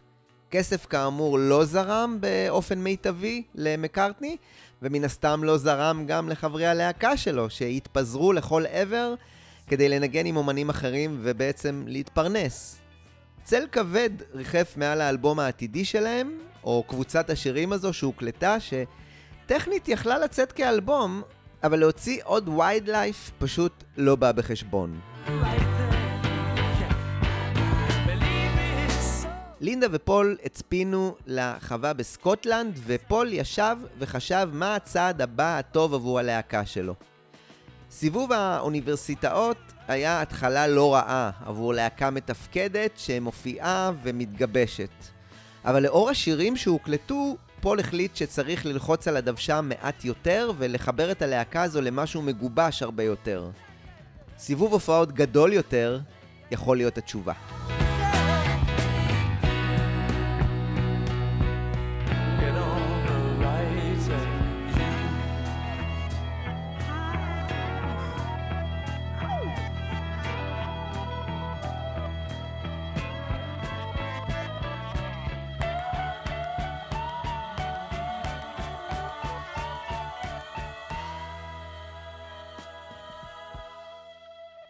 פול יצר קשר שוב עם אה, אותו ג'ון מוריס, המפיק מהריינבואו, והזמין אותו להגיע לסקוטלנד. מוריס הגיע, ובשיחה על כיוון ההופעות הבא, שבה פול בהחלט רצה לעלות שלב אה, מסיבוב בין אה, אוניברסיטאות וקולג'ים, מוריס הודה שבתקופה הזו קל לו יותר לארגן סיבוב באירופה מאשר בבריטניה, מבחינת הקשרים עם הפרומוטרים שהיו לו. פול אישר, ומוריס יצא לדרך כדי לארגן tour. הפעם באירופה. אבל הייתה לו עצה לפול. תבצע שירים של הביטלס. פול דחה את זה על הסף. אז הנה עוד קריצה קטנה לסדרת מ Revolver ל Pepper בפודקאסט. הפעם האחרונה שבה הופיע מקארטני באירופה הייתה ההופעה של הביטלס בהמבורג, בגרמניה, ב-26 ביוני 1966. אחרי החופשה שנכפתה על הילדים לבית מקארטני מהגנים ובתי הספר בעקבות הטור הקודם, עכשיו לינדה ופול רצו לחכות לתחילת חופשת הקיץ, כדי לצאת עם הלהקה והמשפחות לסיבוב באירופה. הפעם הסט-ליסט היה צריך להיות קצת יותר ארוך, ובתחילת מאי הלהקה החלה לעשות חזרות על 21 שירים. שוב, אה, חלקם מהאלבומים מקארטני, רם ווייד לייף, וחלקם מההקלטות האחרונות, כולל שני הסינגלים, זה שיצא וזה שממש עמד לצאת ב-12 במאי. היציאה של הסינגל הזה, מרי a little lamb, לוותה עם לא פחות מארבעה גרסאות של קליפים שהיו מותאמות לילדים. באחת הגרסאות נראים חברי הלהקה בחווה בסקוטלנד, באיזשהו אסם. בגרסה השנייה חברי הלהקה היו לבושים כמו בקרקס ופול כליצן ליד הפסנתר, כשלינדה ישובה על סוס. בגרסה השלישית כולם היו לבושים באדום, כשמאחוריהם היו רקעים פסיכדליים מתחלפים. ובגרסה הרביעית והאחרונה, כולם היו לבושים יחסית כרגיל, כשמאחוריהם רקע מצויר של חווה, ומדי פעם הוקרנו קטעי אנימציה של מרי והטלה שלה. תנסו לזכור את הגרסה הזו האחרונה, הרעיון תכף יצוץ שוב. ריבוי הגרסאות הזה לקליפים עבור הסינגל מראה שמקארטני שאנחנו מכירים היום עם ריבוי הגרסאות לאלבום מקארטני 3 כבר היה כזה וחשב על גימיקים שיאפשרו לו להצליח ולהתעלות בעולם הקשה הזה של השואו-ביז כבר מהימים המוקדמים בקריירת הסולו שלו. כמו שאתם יכולים לדמיין, הביקורות לסינגל הזה לא היו מדהימות, ואפשר להבין. אחרי ה build-up בסינגל הפוליטי הקודם, זה נראה שמקארטני מאבד את הדרך. היו מי שהתנחמו ב B-side, אבל מהר מאוד הסינגל הזה פשוט נגוז מהמצעדים, ורשם שיא שלילי למקארטני, נכון לעכשיו. בינתיים הצליח לי איסטמן, אביה של לינדה, לשכנע את פול שהעסקה עם לו גרייד מ-ATV היא עסקה טובה, ושכדאי לו לחתום עליה.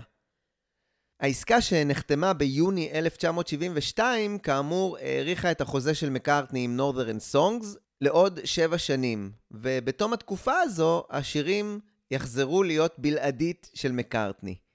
החדשות הטובות היו גם עבור חברי ווינגס, שיכלו סוף סוף לקבל כסף. יש לגבי זה ויכוח, ונהוג לחשוב שלו גרייד דחף לחוזה הזה תנאי שהכריח את פול לעשות ספיישל טלוויזיוני עבור הערוץ שלו. אבל בספר החדש והנפלא, The McCartney Legacy, נטען שלאות סולידריות על חתימת ההסכם הזה, לו גרייד הציע לפול שני דברים. האחד, לכתוב שיר לאחת מתוכניות הטלוויזיה של הרשת, מה שלבסוף יהיה שיר הנושא ל Zoo Gang. והדבר השני היה לעשות ספיישל של ווינגס שיקדם את הלהקה. כי הרי זו הייתה עכשיו מטרה משותפת. ובעצם לא היה שום הכרח עבור מקארטני לעשות את זה. מקארטני שהתלהב מכל אפשרות ליחסי ציבור, וגם במחווה של רצון טוב ללו גרייד, הסכים, והתוצאה תהיה הספיישל ג'יימס פול מקארטני, שיצולם רק בפברואר 1973 וישודר באמצע השנה. עוד משהו מעניין שקרה ביוני 1972 הוא היציאה של האלבום של יוקו וג'ון, Sometimes in New York City. אלבום כפול, צריך להדגיש, ופוליטי מאוד, שמתערב בבוטות באירועים אמריקאים, אבל גם נותן את השני סנט שלו על ה-Bloody Sunday. התקליט השני באלבום הזה מכיל בו שתי הופעות. האחת שהתקיימה בדצמבר 1969 בלייסיום בולרום, אותה הופעה שבה יחד עם הפלסטיק אונו בנד הופיע גם הריסון. וההופעה השנייה התרחשה בפילמור איסט עם פרנק זאפה וה-Mothers of Invention. הפורמט של האלבום הזה, גם כאלבום כפול וגם כאלבום שמכיל בו קטעים מהופעות, ישפיע על שיקול הדעת של מקארטני עבור האלבום הבא שלו. עוד אירוע משמח בחודש יוני היה יום הולדתו ה-30 של פול. את האירוע החגיגי הזה החליטו לינדה ופול לחגוג בספרד עם המשפחה, כולל רוז, מנהלת משק הבית של המקארטנים, וגם עם חברי הלהקה ומשפחותיהם. אולי אחת הסיבות לבחירה ביעד הזה הייתה ההצלחה של סינגל הבכורה של ווינגס שם. בכל מקרה, היו להם סיבות טובות לחגוג. 30 לפול, חוזה חדש שהניב כסף, ספיישל טלוויזיוני, טור באירופה ביולי, ואלבום חדש באופק.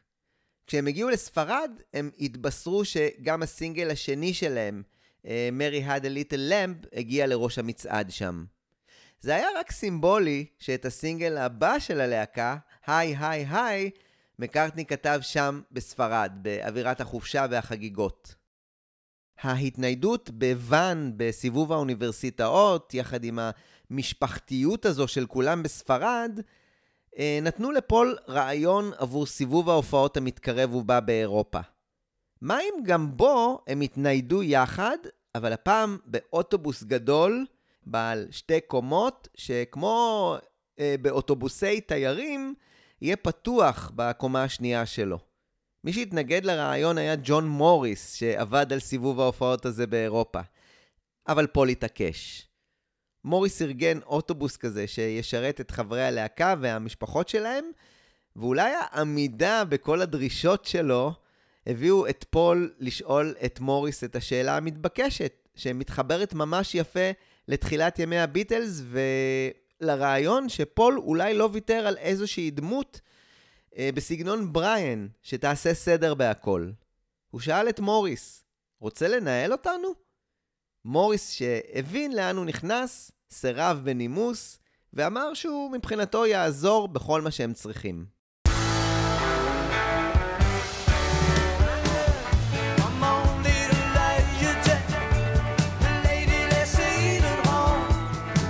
סיבוב ההופעות Wings Over Europe נפתח בצרפת ב-9 ביולי והסתיים בברלין ב-24 באוגוסט.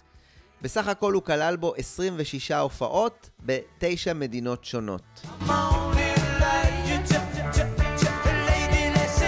כאמור, כלי התחבורה שנייד אותה מיד ליד היה אוטובוס קומותיים עם ציורים צבעוניים עליו והכיתוב בגדול Wings Over Europe. מאוד מזכיר לעיתים את האוטובוס מהסרט מג'יקל מיסטרי טור, אבל אם לדייק, גם הרעיון של Magical התכתב עם רעיון של הסופר האמריקאי קן קסי, שיצא בקיץ 1964 להרפתקה עם אה, קבוצת האוהדים שלו, שנקראו ה Merry Pranksters, ויחד הם יצאו לנסיעה אומנותית עם יעד לא ידוע, כשהם על LSD, באוטובוס בית ספר צבעוני ברחבי ארצות הברית. במהלך סיבוב ההופעות הזה של ווינגס, מקארטני מימש רעיון נוסף שהיה לו, והוא פלירטט איתו לא מעט. סרט אנימציה. הפעם הרעיון היה לייצר סרט אנימציה עלילתי על משפחת עכברים שגרה מתחת לבמה שעליה מופיעה הלהקה.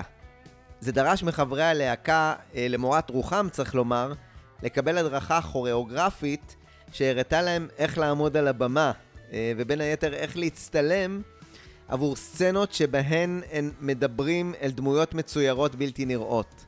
הפרויקט הזה קיבל את השם The Bruce McMouse Show, אבל בסופו של דבר נגנז. מה הסיבה? אני יכול לחשוב על כמה סיבות טובות.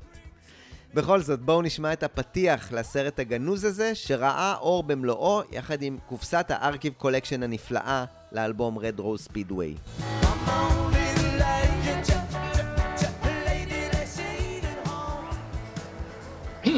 And now it's time for my show. Oh, hello. How are you? Good. well, uh, you're about to see a film of a live concert we made. Uh, we, the Wings, had been doing a few concerts to get tightened up and uh, played in. And one day we arrived at this funny old town. Now, the way you're about to see it is exactly as it happened. Would I tell a lie to you? No. Right. Well, there we were in this little old town. Lovely place it was, actually.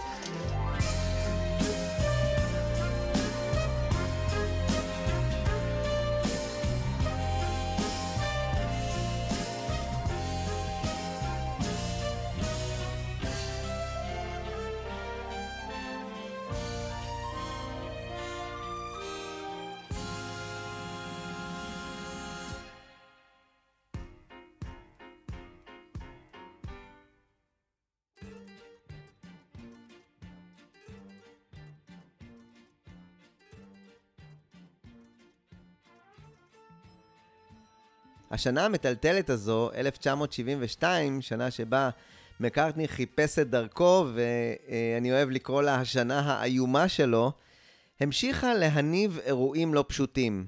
בצרפת בוטלה ההופעה בליון, שהייתה מתוכננת ל-14 ביולי, בגלל הנסיעה האיטית של האוטובוס, שהצליח להגיע רק ל-60 קמ"ש בגלל הכבדות שלו. חברי הלהקה די נשמו לרווחה כשלוח הזמנים התרווח, והמשיכו משם להופעה בפריז. בעשרה באוגוסט, תוך כדי סיבוב ההופעות בשוודיה, הראה תקלה חמורה. בפרק על מנילה, בסדרה מריבולבר לפפר, דיברתי על המנהג של הביטלס אה, להביא איתם חומרים אסורים לשימוש עצמי. מאז מקארטני השתכלל, והבין שהוא לא יכול להתנייד באירופה עם חומרים שכאלה. הוא הנחה את המשרד שלו בלונדון לשלוח לו לבתי המלון השונים שבהם הם התאכסנו חבילות שעליהן היה כתוב קלטות, ובהן יהיה החומר האסור. בכל פעם לפני שהם עברו בגבול ממדינה למדינה, הם נפטרו מהחומר שלהם וקיבלו במלונות אספקה חדשה. בשוודיה זה לא כל כך עבד.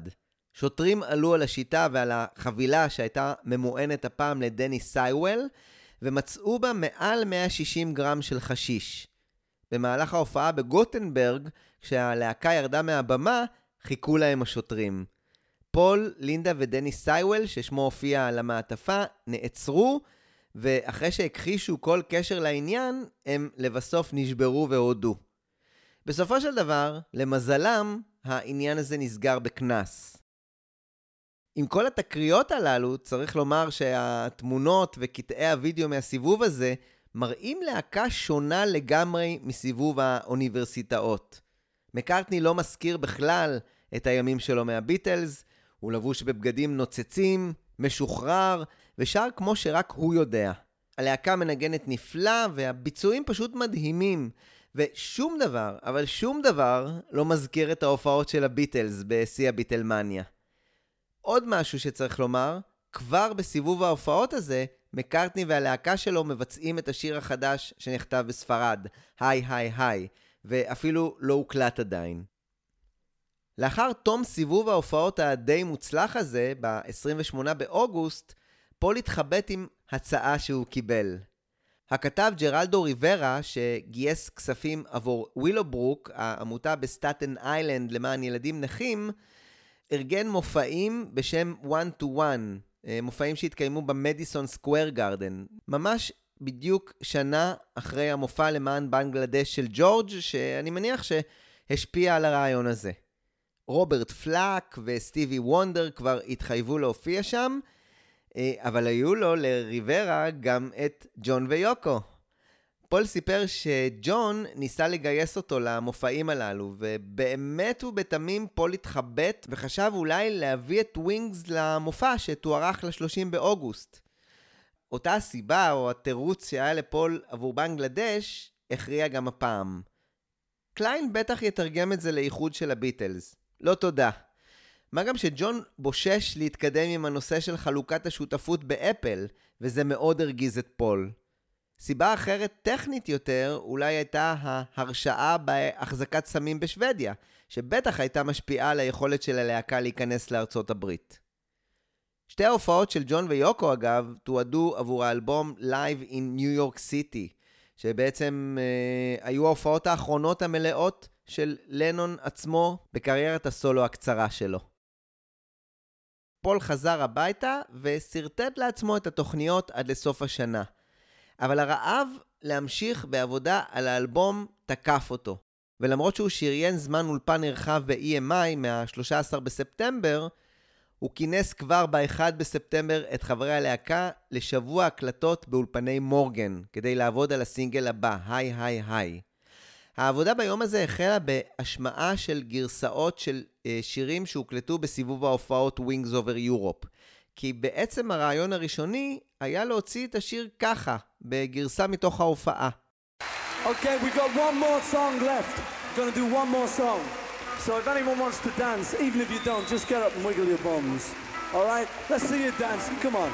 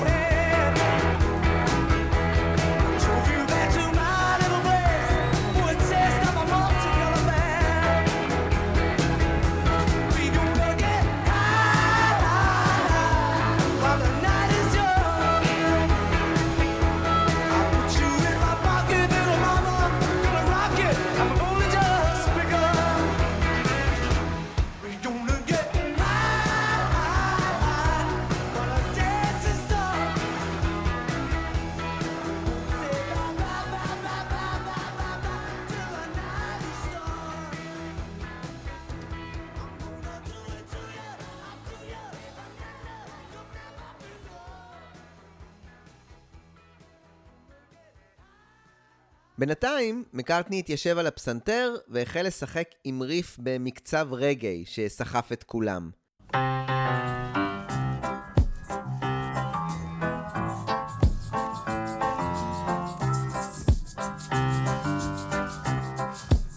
ככה עד סופו של יום ההקלטות הראשון, הם ישבו וג'ימג'מו אה, על הריף הזה, שקיבל בסופו של דבר את השם סימון, הביטוי הזה, סימון, הגיע כפרפרזה על הביטוי L7 מהשיר וולי בולי של סם שם והפרעונים מ-1965. שם הם שרו משהו uh, בסגנון Let's not be L7, come and learn to dance. ה-L וה-7 יצרו יחד ריבוע. זאת אומרת, אל תהיה מרובע. מקארטני הביא את הצורה ההופכית לדעתו לאותו הריבוע. צורת ה-C, שאמרה בעצם קול. היא כל כך סימון, זאת אומרת שהיא כל כך קולית.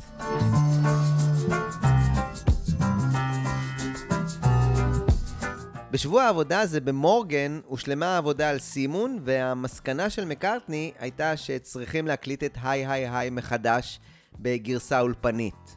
הגרסאות מסיבוב ההופעות לא ממש סיפקו אותו.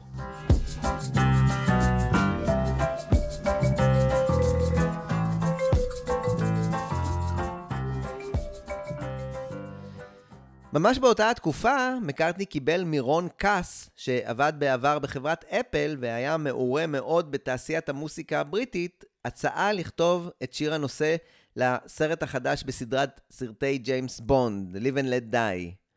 פול שמאוד התאווה לכתוב כזה דבר, ובמיוחד עבור סרט ג'יימס בונד, השיב בחיוב וקיבל לידיו את התסריט.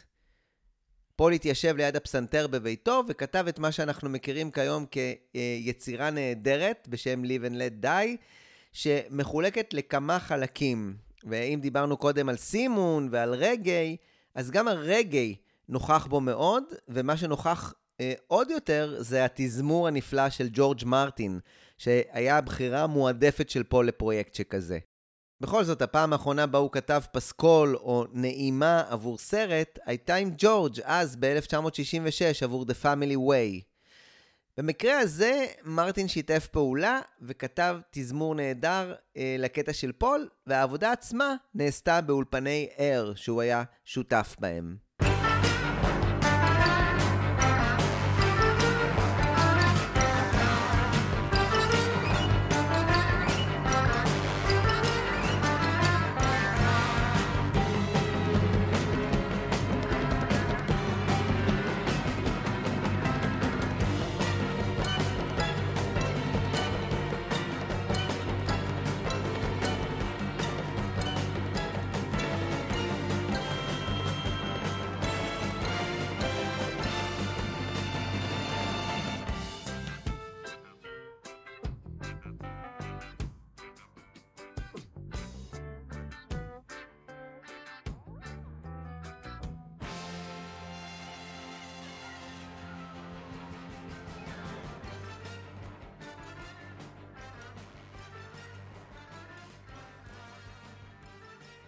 ההקלטות לשיר הזה יערכו אמנם באוקטובר, אבל אני חושב שיחד עם הסינגלים שיצאו עד כה, ויחד עם היי היי היי שעמד לצאת, ויחד עם הקטע הזה עבור uh, ג'יימס בונד, אנחנו רואים מקארטני מאוד מפוזר, שרוצה לבלוע את הכל בבת אחת, ורץ לכל הכיוונים.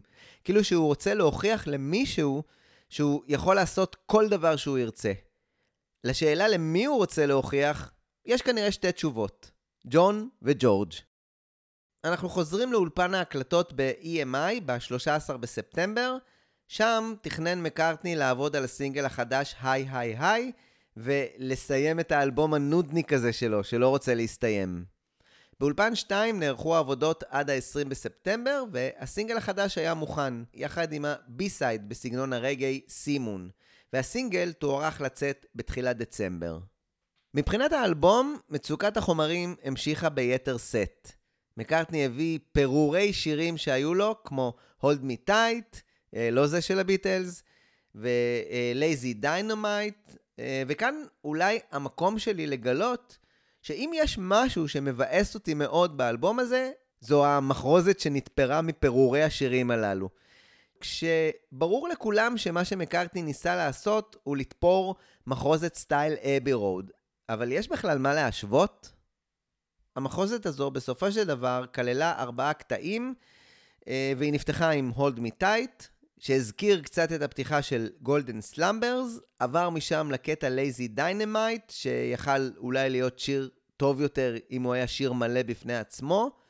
משם הוא עבר לקטע שנקרא Hands of Love, בסגנון קאנטרי שכזה, ומשם לפאוור קאט, שנכתב איפשהו במהלך סיבוב האוניברסיטאות, כהשראה משביתת קורי הפחם שגרמה להפסקות חשמל נרחבות ברחבי המדינה. מחשבה טורדנית שתוקפת אותי מדי פעם, היא אם כבר האלבום הזה משקף את חוסר הקוהרנטיות ודלות החומרים של התקופה, אז Live and Let Die היה מסיים אותו באופן פשוט נפלא ומלא קתרזיס. אבל זה רק אני. במהלך ההשלמות הללו, בחודש ספטמבר, באולפני EMI, הוקלט ג'ם סשן מאולתר בשם Night Out, שאולי אה, חיזק את הצד הרוקי של הלהקה, אבל שוב, חשף את דלות החומרים הקשה שהייתה בו.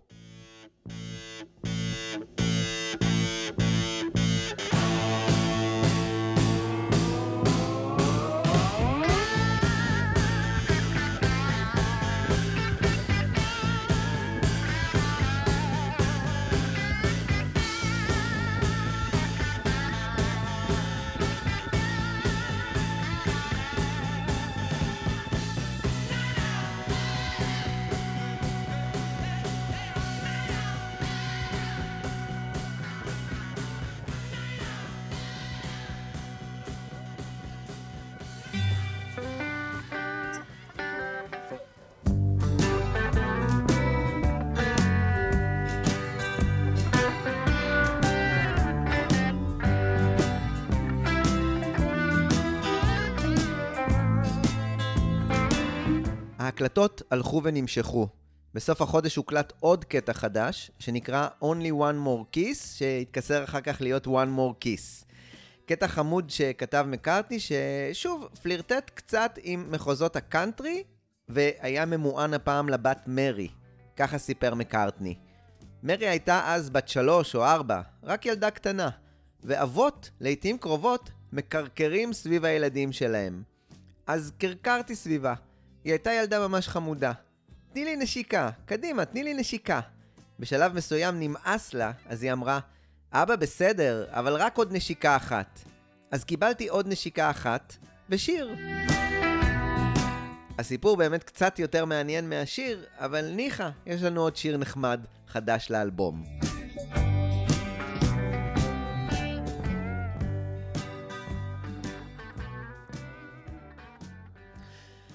תוך כדי העבודה על האלבום ועל אה, Live and Let Die באוקטובר ונובמבר, ועבודה על עוד כל מיני הברקות וקטעים מוזרים, מקארטני נזכר בקטע שכנראה אם לא היה באלבום, היה לי קשה הרבה יותר לחבב את האלבום הזה. זה קרה באחד מסשני ההקלטה האחרונים עבור 1972, שהתרחש הפעם באולפני טריידנט, ב-20 בנובמבר. מי שהזכיר לפול את Little Lamb Dragonfly, השיר שאני כנראה הכי אוהב באלבום הזה, היה דני ליין.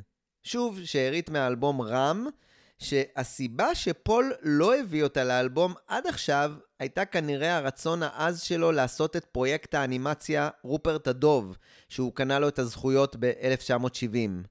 כשדני ליין הזכיר לו את השיר ומקארטני החל לנגן אותו באולפן, הוא חשב לעצמו, בעצם למה לא?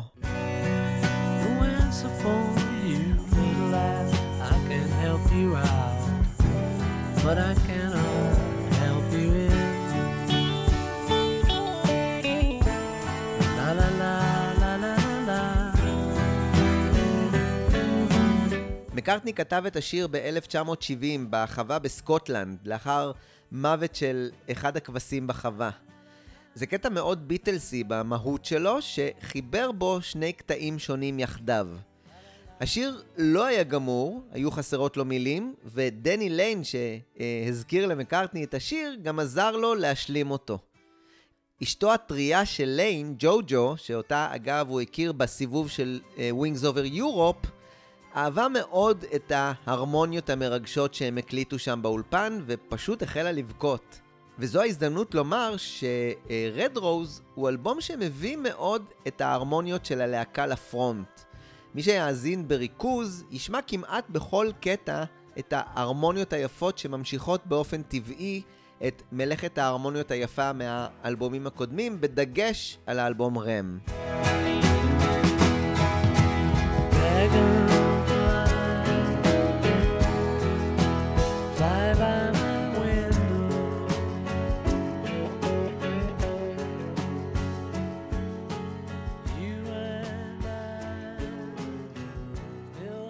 Since you've gone, I never know. I go on, I go on. miss you so. Dragonfly, don't keep me waiting. I'm waiting. Can't you see me? I'm waiting. When we try, we'll have a way to go. Dragonfly,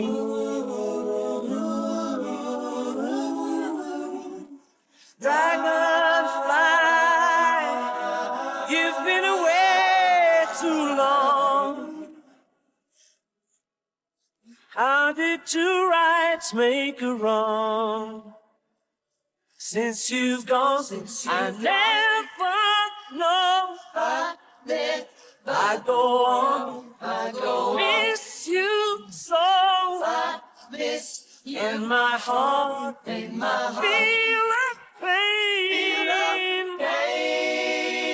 keeps coming back again. זה פשוט יפהפה, אין לי משהו אחר לומר על זה. אני די בטוח שבשלב הזה של הפרק, כולכם שואלים את עצמכם, רגע אחד, מה עם My Love, השיר והבלדה הגדולה של האלבום הזה? איפה הוא? מה, לא הקליטו אותו? אז התשובה לכך היא די ארוכה ותהליכית, כמו בכל העבודה על האלבום הזה. בשלב הזה של סוף 1972, מה שנראה כסוף העבודה על האלבום המפרך הזה, הוכנו שני תקליטי acetate. זאת אומרת, תקליטי דוגמה שהכילו את השירים שהוקלטו עד כה, ושירים שהחליט מקארטני לשלב מתוך ההקלטות ב-Wings Over Europe. בצד הראשון של התקליט הראשון, עבור האלבום הכפול הזה כרגע, היה את Big Barn Bed, When the Night, Single Pigeon, הקאבר ל-Tragedy, Loup, Mama's Little Girl ו-I Would Only Smile של דני ליין. בצד השני של התקליט הראשון היה את Country Dreamer, הג'ם המאולתר Night Out, את One More Kiss ועוד קטע אינסטרומנטלי בשם Jazz Street שהוקלט מתישהו בעבודה באולפני AIR. בתקליט השני, מקארטני כבר קרץ לגמרי אה, לאלבום הכפול של ג'ון ויוקו, ל-Sometimes in New York City, כשבין הקטעים האולפניים שובצו גם קטעים מ-Wings Over Europe, שאני לא בטוח שזה רעיון רע לגמרי. בצד הראשון של התקליט השני היה את I Lie Around, אה, את Little Lamb Dragonfly ואת Get on the Right Thing, וגרסה מתוך הופעה בברלין של 1882, וגם את The Mess מתוך הופעה בהאג. והנה התשובה החלקית ל-My Love. הצד השני של התקליט השני נפתח עם גרסה של My Love מתוך הופעה בהאג, אה, גרסה יפה של הבלדה היפה הזו. הצד השני של התקליט השני המשיך עם Seaside Woman של לינדה, עבר ל-Best Friend, ואז למחרוזת הידועה. אני חייב לומר שזה אלבום כפול די מעניין, שהכי חשוב, באופן מאוד תיעודי, משקף את התקופה הכאוטית הזו אה, שעברה על מקארטני והלהקה שלו. ואני חושב שאני מעדיף אותו יותר מאשר האלבום המהודק שנוצר בסופו של דבר, שקצת תלוש מקונטקסט. מקארטני היה מאושר והגיש לחברי הלהקה את העותקים שלהם, ואפילו היה שם לאלבום הכפול הזה, Tales of the Truth, סיפורים על האמת. השם שנבחר בסופו של דבר היה Red Rose Speedway, ואני לא יכול להתחייב למה הוא נקרא ככה. יש גרסה שמספרת שזה קשור לרוז, מנהלת משק הבית שהזכרתי מתישהו בפרק הזה. לרוז היה שיער אדום בהיר, והיא נהגה לזוז במהירות, וזה הרעיון שהגיע בוקר אחד למקארטני. הוא עצמו מתישהו הכחיש את זה. חברי הלהקה לקחו את העותקים שלהם, ובסביבות ינואר 1973 היו לכולם השגות עבור תיקונים, שינויים ואוברדאבים לגבי האלבום הזה, שעדיין נשאר בפורמט של אלבום כפול. אחת ההשגות הייתה של פול אה, עבור הגרסה החיה ל-My Love, לדעתו היא לא הייתה מספיק מספקת. הוא רצה עבור השיר הזה גרסה אולפנית. השיר הזה, שבעצם היה אחד הראשונים שכתב מקארטני כבר בסופה של 1971, היה השיר החדש האחרון להיות מוקלט עבור האלבום. לדעתי גם מקארטני הבין שבשלב הזה צריך אור באפלה בין כל הכאוטיות הזו, וכמו ש-Maybe I'm Amazed היה הקטע שבכל זאת חיבר את מעריצי הביטלס לאלבום הלא סטנדרטי ההוא, מקארטני, צריך שיהיה את הקטע שיעשה את אותו הדבר גם עבור האלבום הזה. בהשפעה מהתזמור של ג'ורג' מרטין עבור Live and Let Die, לפול היה חשק עז גם לתזמור עבור השיר הזה, השיר של לינדה. מי שהוזעק הפעם היה ריצ'רד יוסון, שעבד על הגרסאות המתוזמרות לאלבום רם, שיצאו רק מאוחר יותר כת'רלינגטון, ועבד גם עם פיל ספקטור על התזמורים באלבום Let It Be.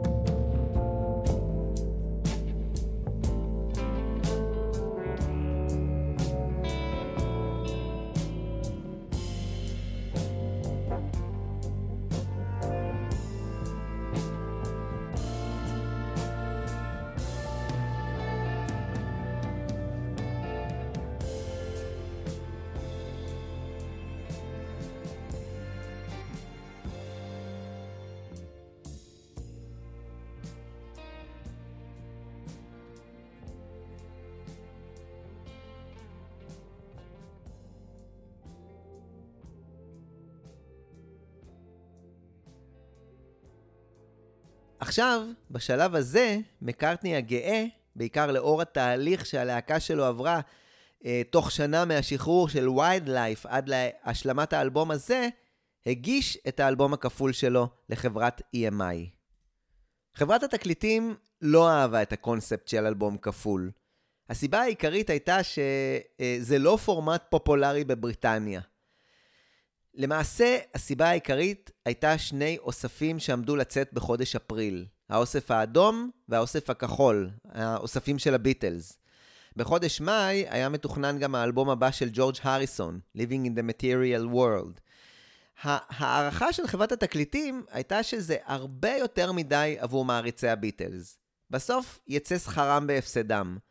שני אוספים כפולים של הביטלס, עוד אלבום כפול של ווינגס ועוד אלבום של הריסון, זה פשוט יותר מדי.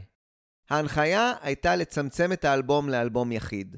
חברי הלהקה שדי נקשרו לרעיון הזה של האלבום הכפול, הוורסטילי והכאוטי, שקצת מזכיר בקונספט שלו את האלבום הלבן של הביטלס, נעמדו על הרגליים האחוריות.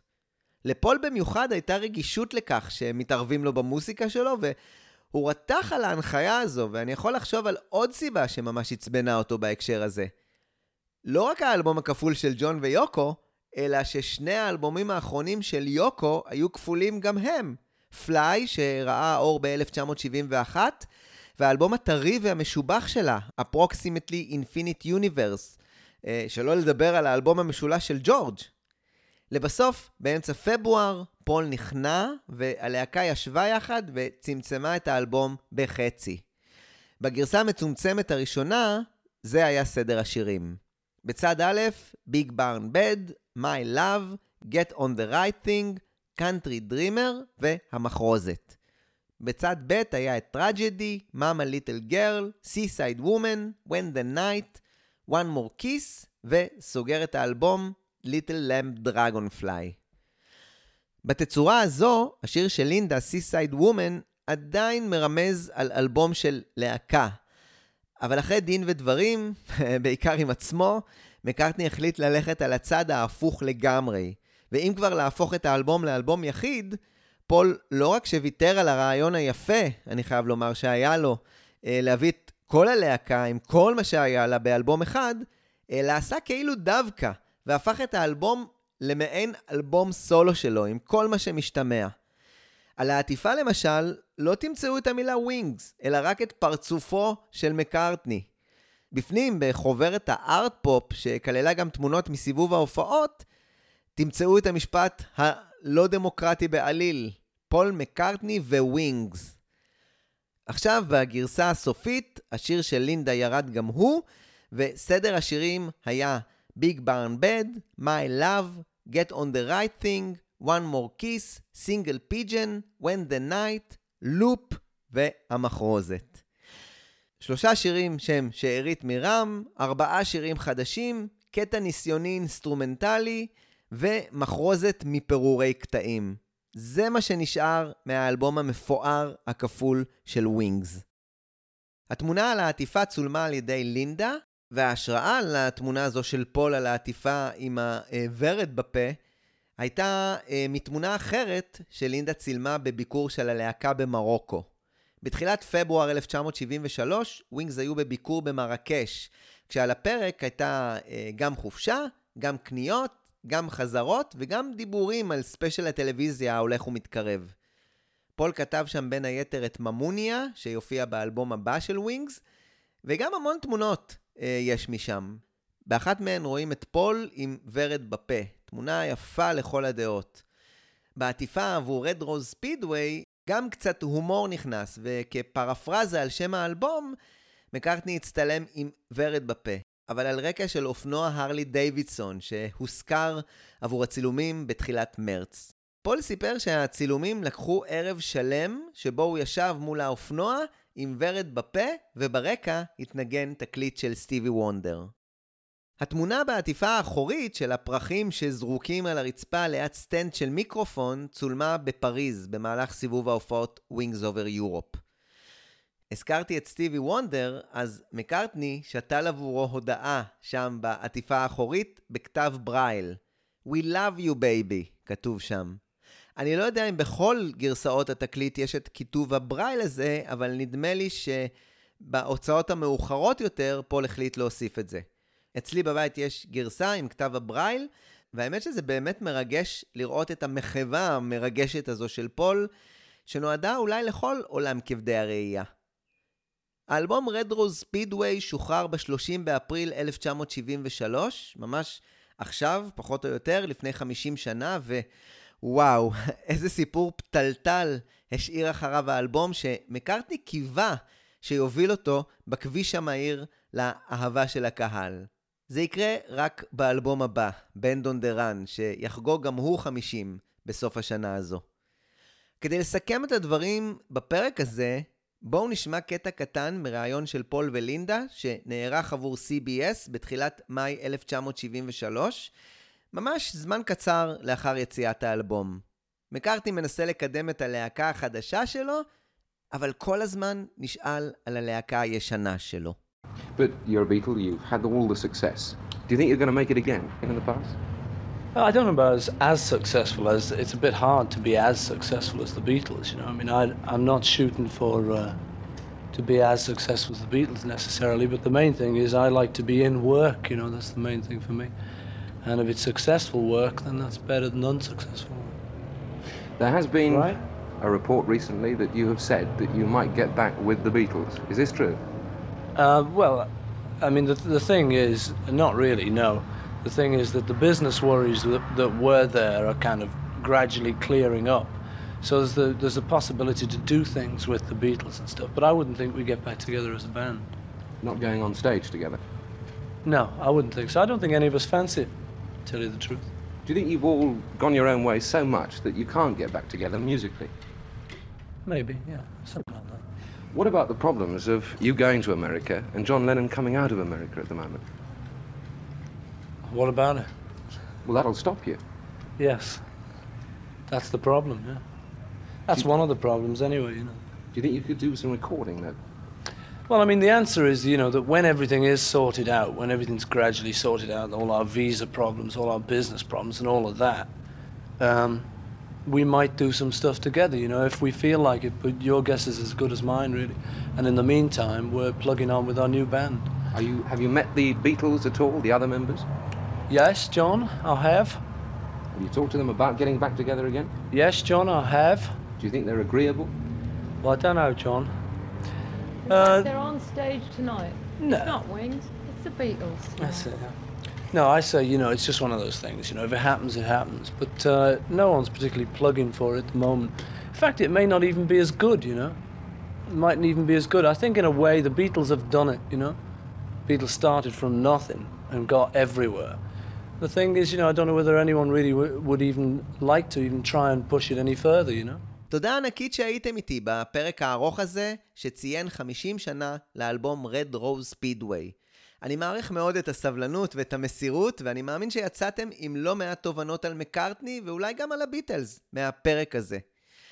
בפרק הבא נפגוש חבר ביטלס אחר, בתקופה הזו, סביב 1973, שהוציא אז אלבום סולו שני, שבא אחרי אלבום משולש רב עוצמה, שניצח אז את חבריו לביטלס אחרי הפירוק. מה יהיה איתו עכשיו?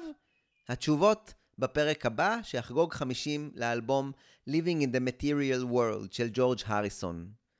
את הפרק הזה, למרות הבנאליות, אי אפשר שלא לסגור עם הביצוע הבלתי נשכח. אה, לפחות אה, עבורי, של מקארטני ל-My Love, על הבמה בפארק הירקון בתל אביב, אי שם ב-2008. אני שם, כנראה דומע במיוחד, אחרי הפתיח שגמר אותי כמעט סופית שם. מקארטני בעברית צחה. השיר הזה מוקדש ללינדה. השיר הזה מוקדש ללינדה.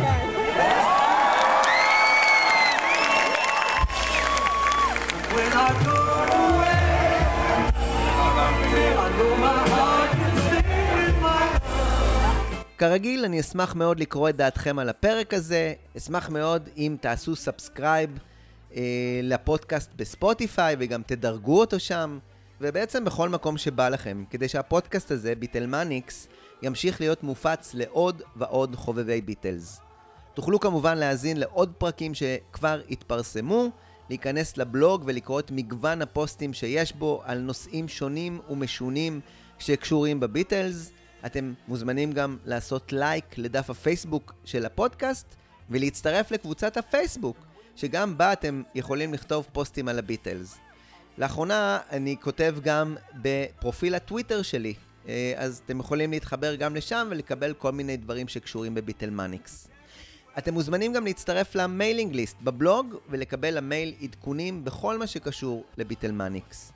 שוב, תודה ענקית לכם שהייתם איתי בפרק הארוך והמפותל הזה ל-Red Rose Speedway. ביי ביי!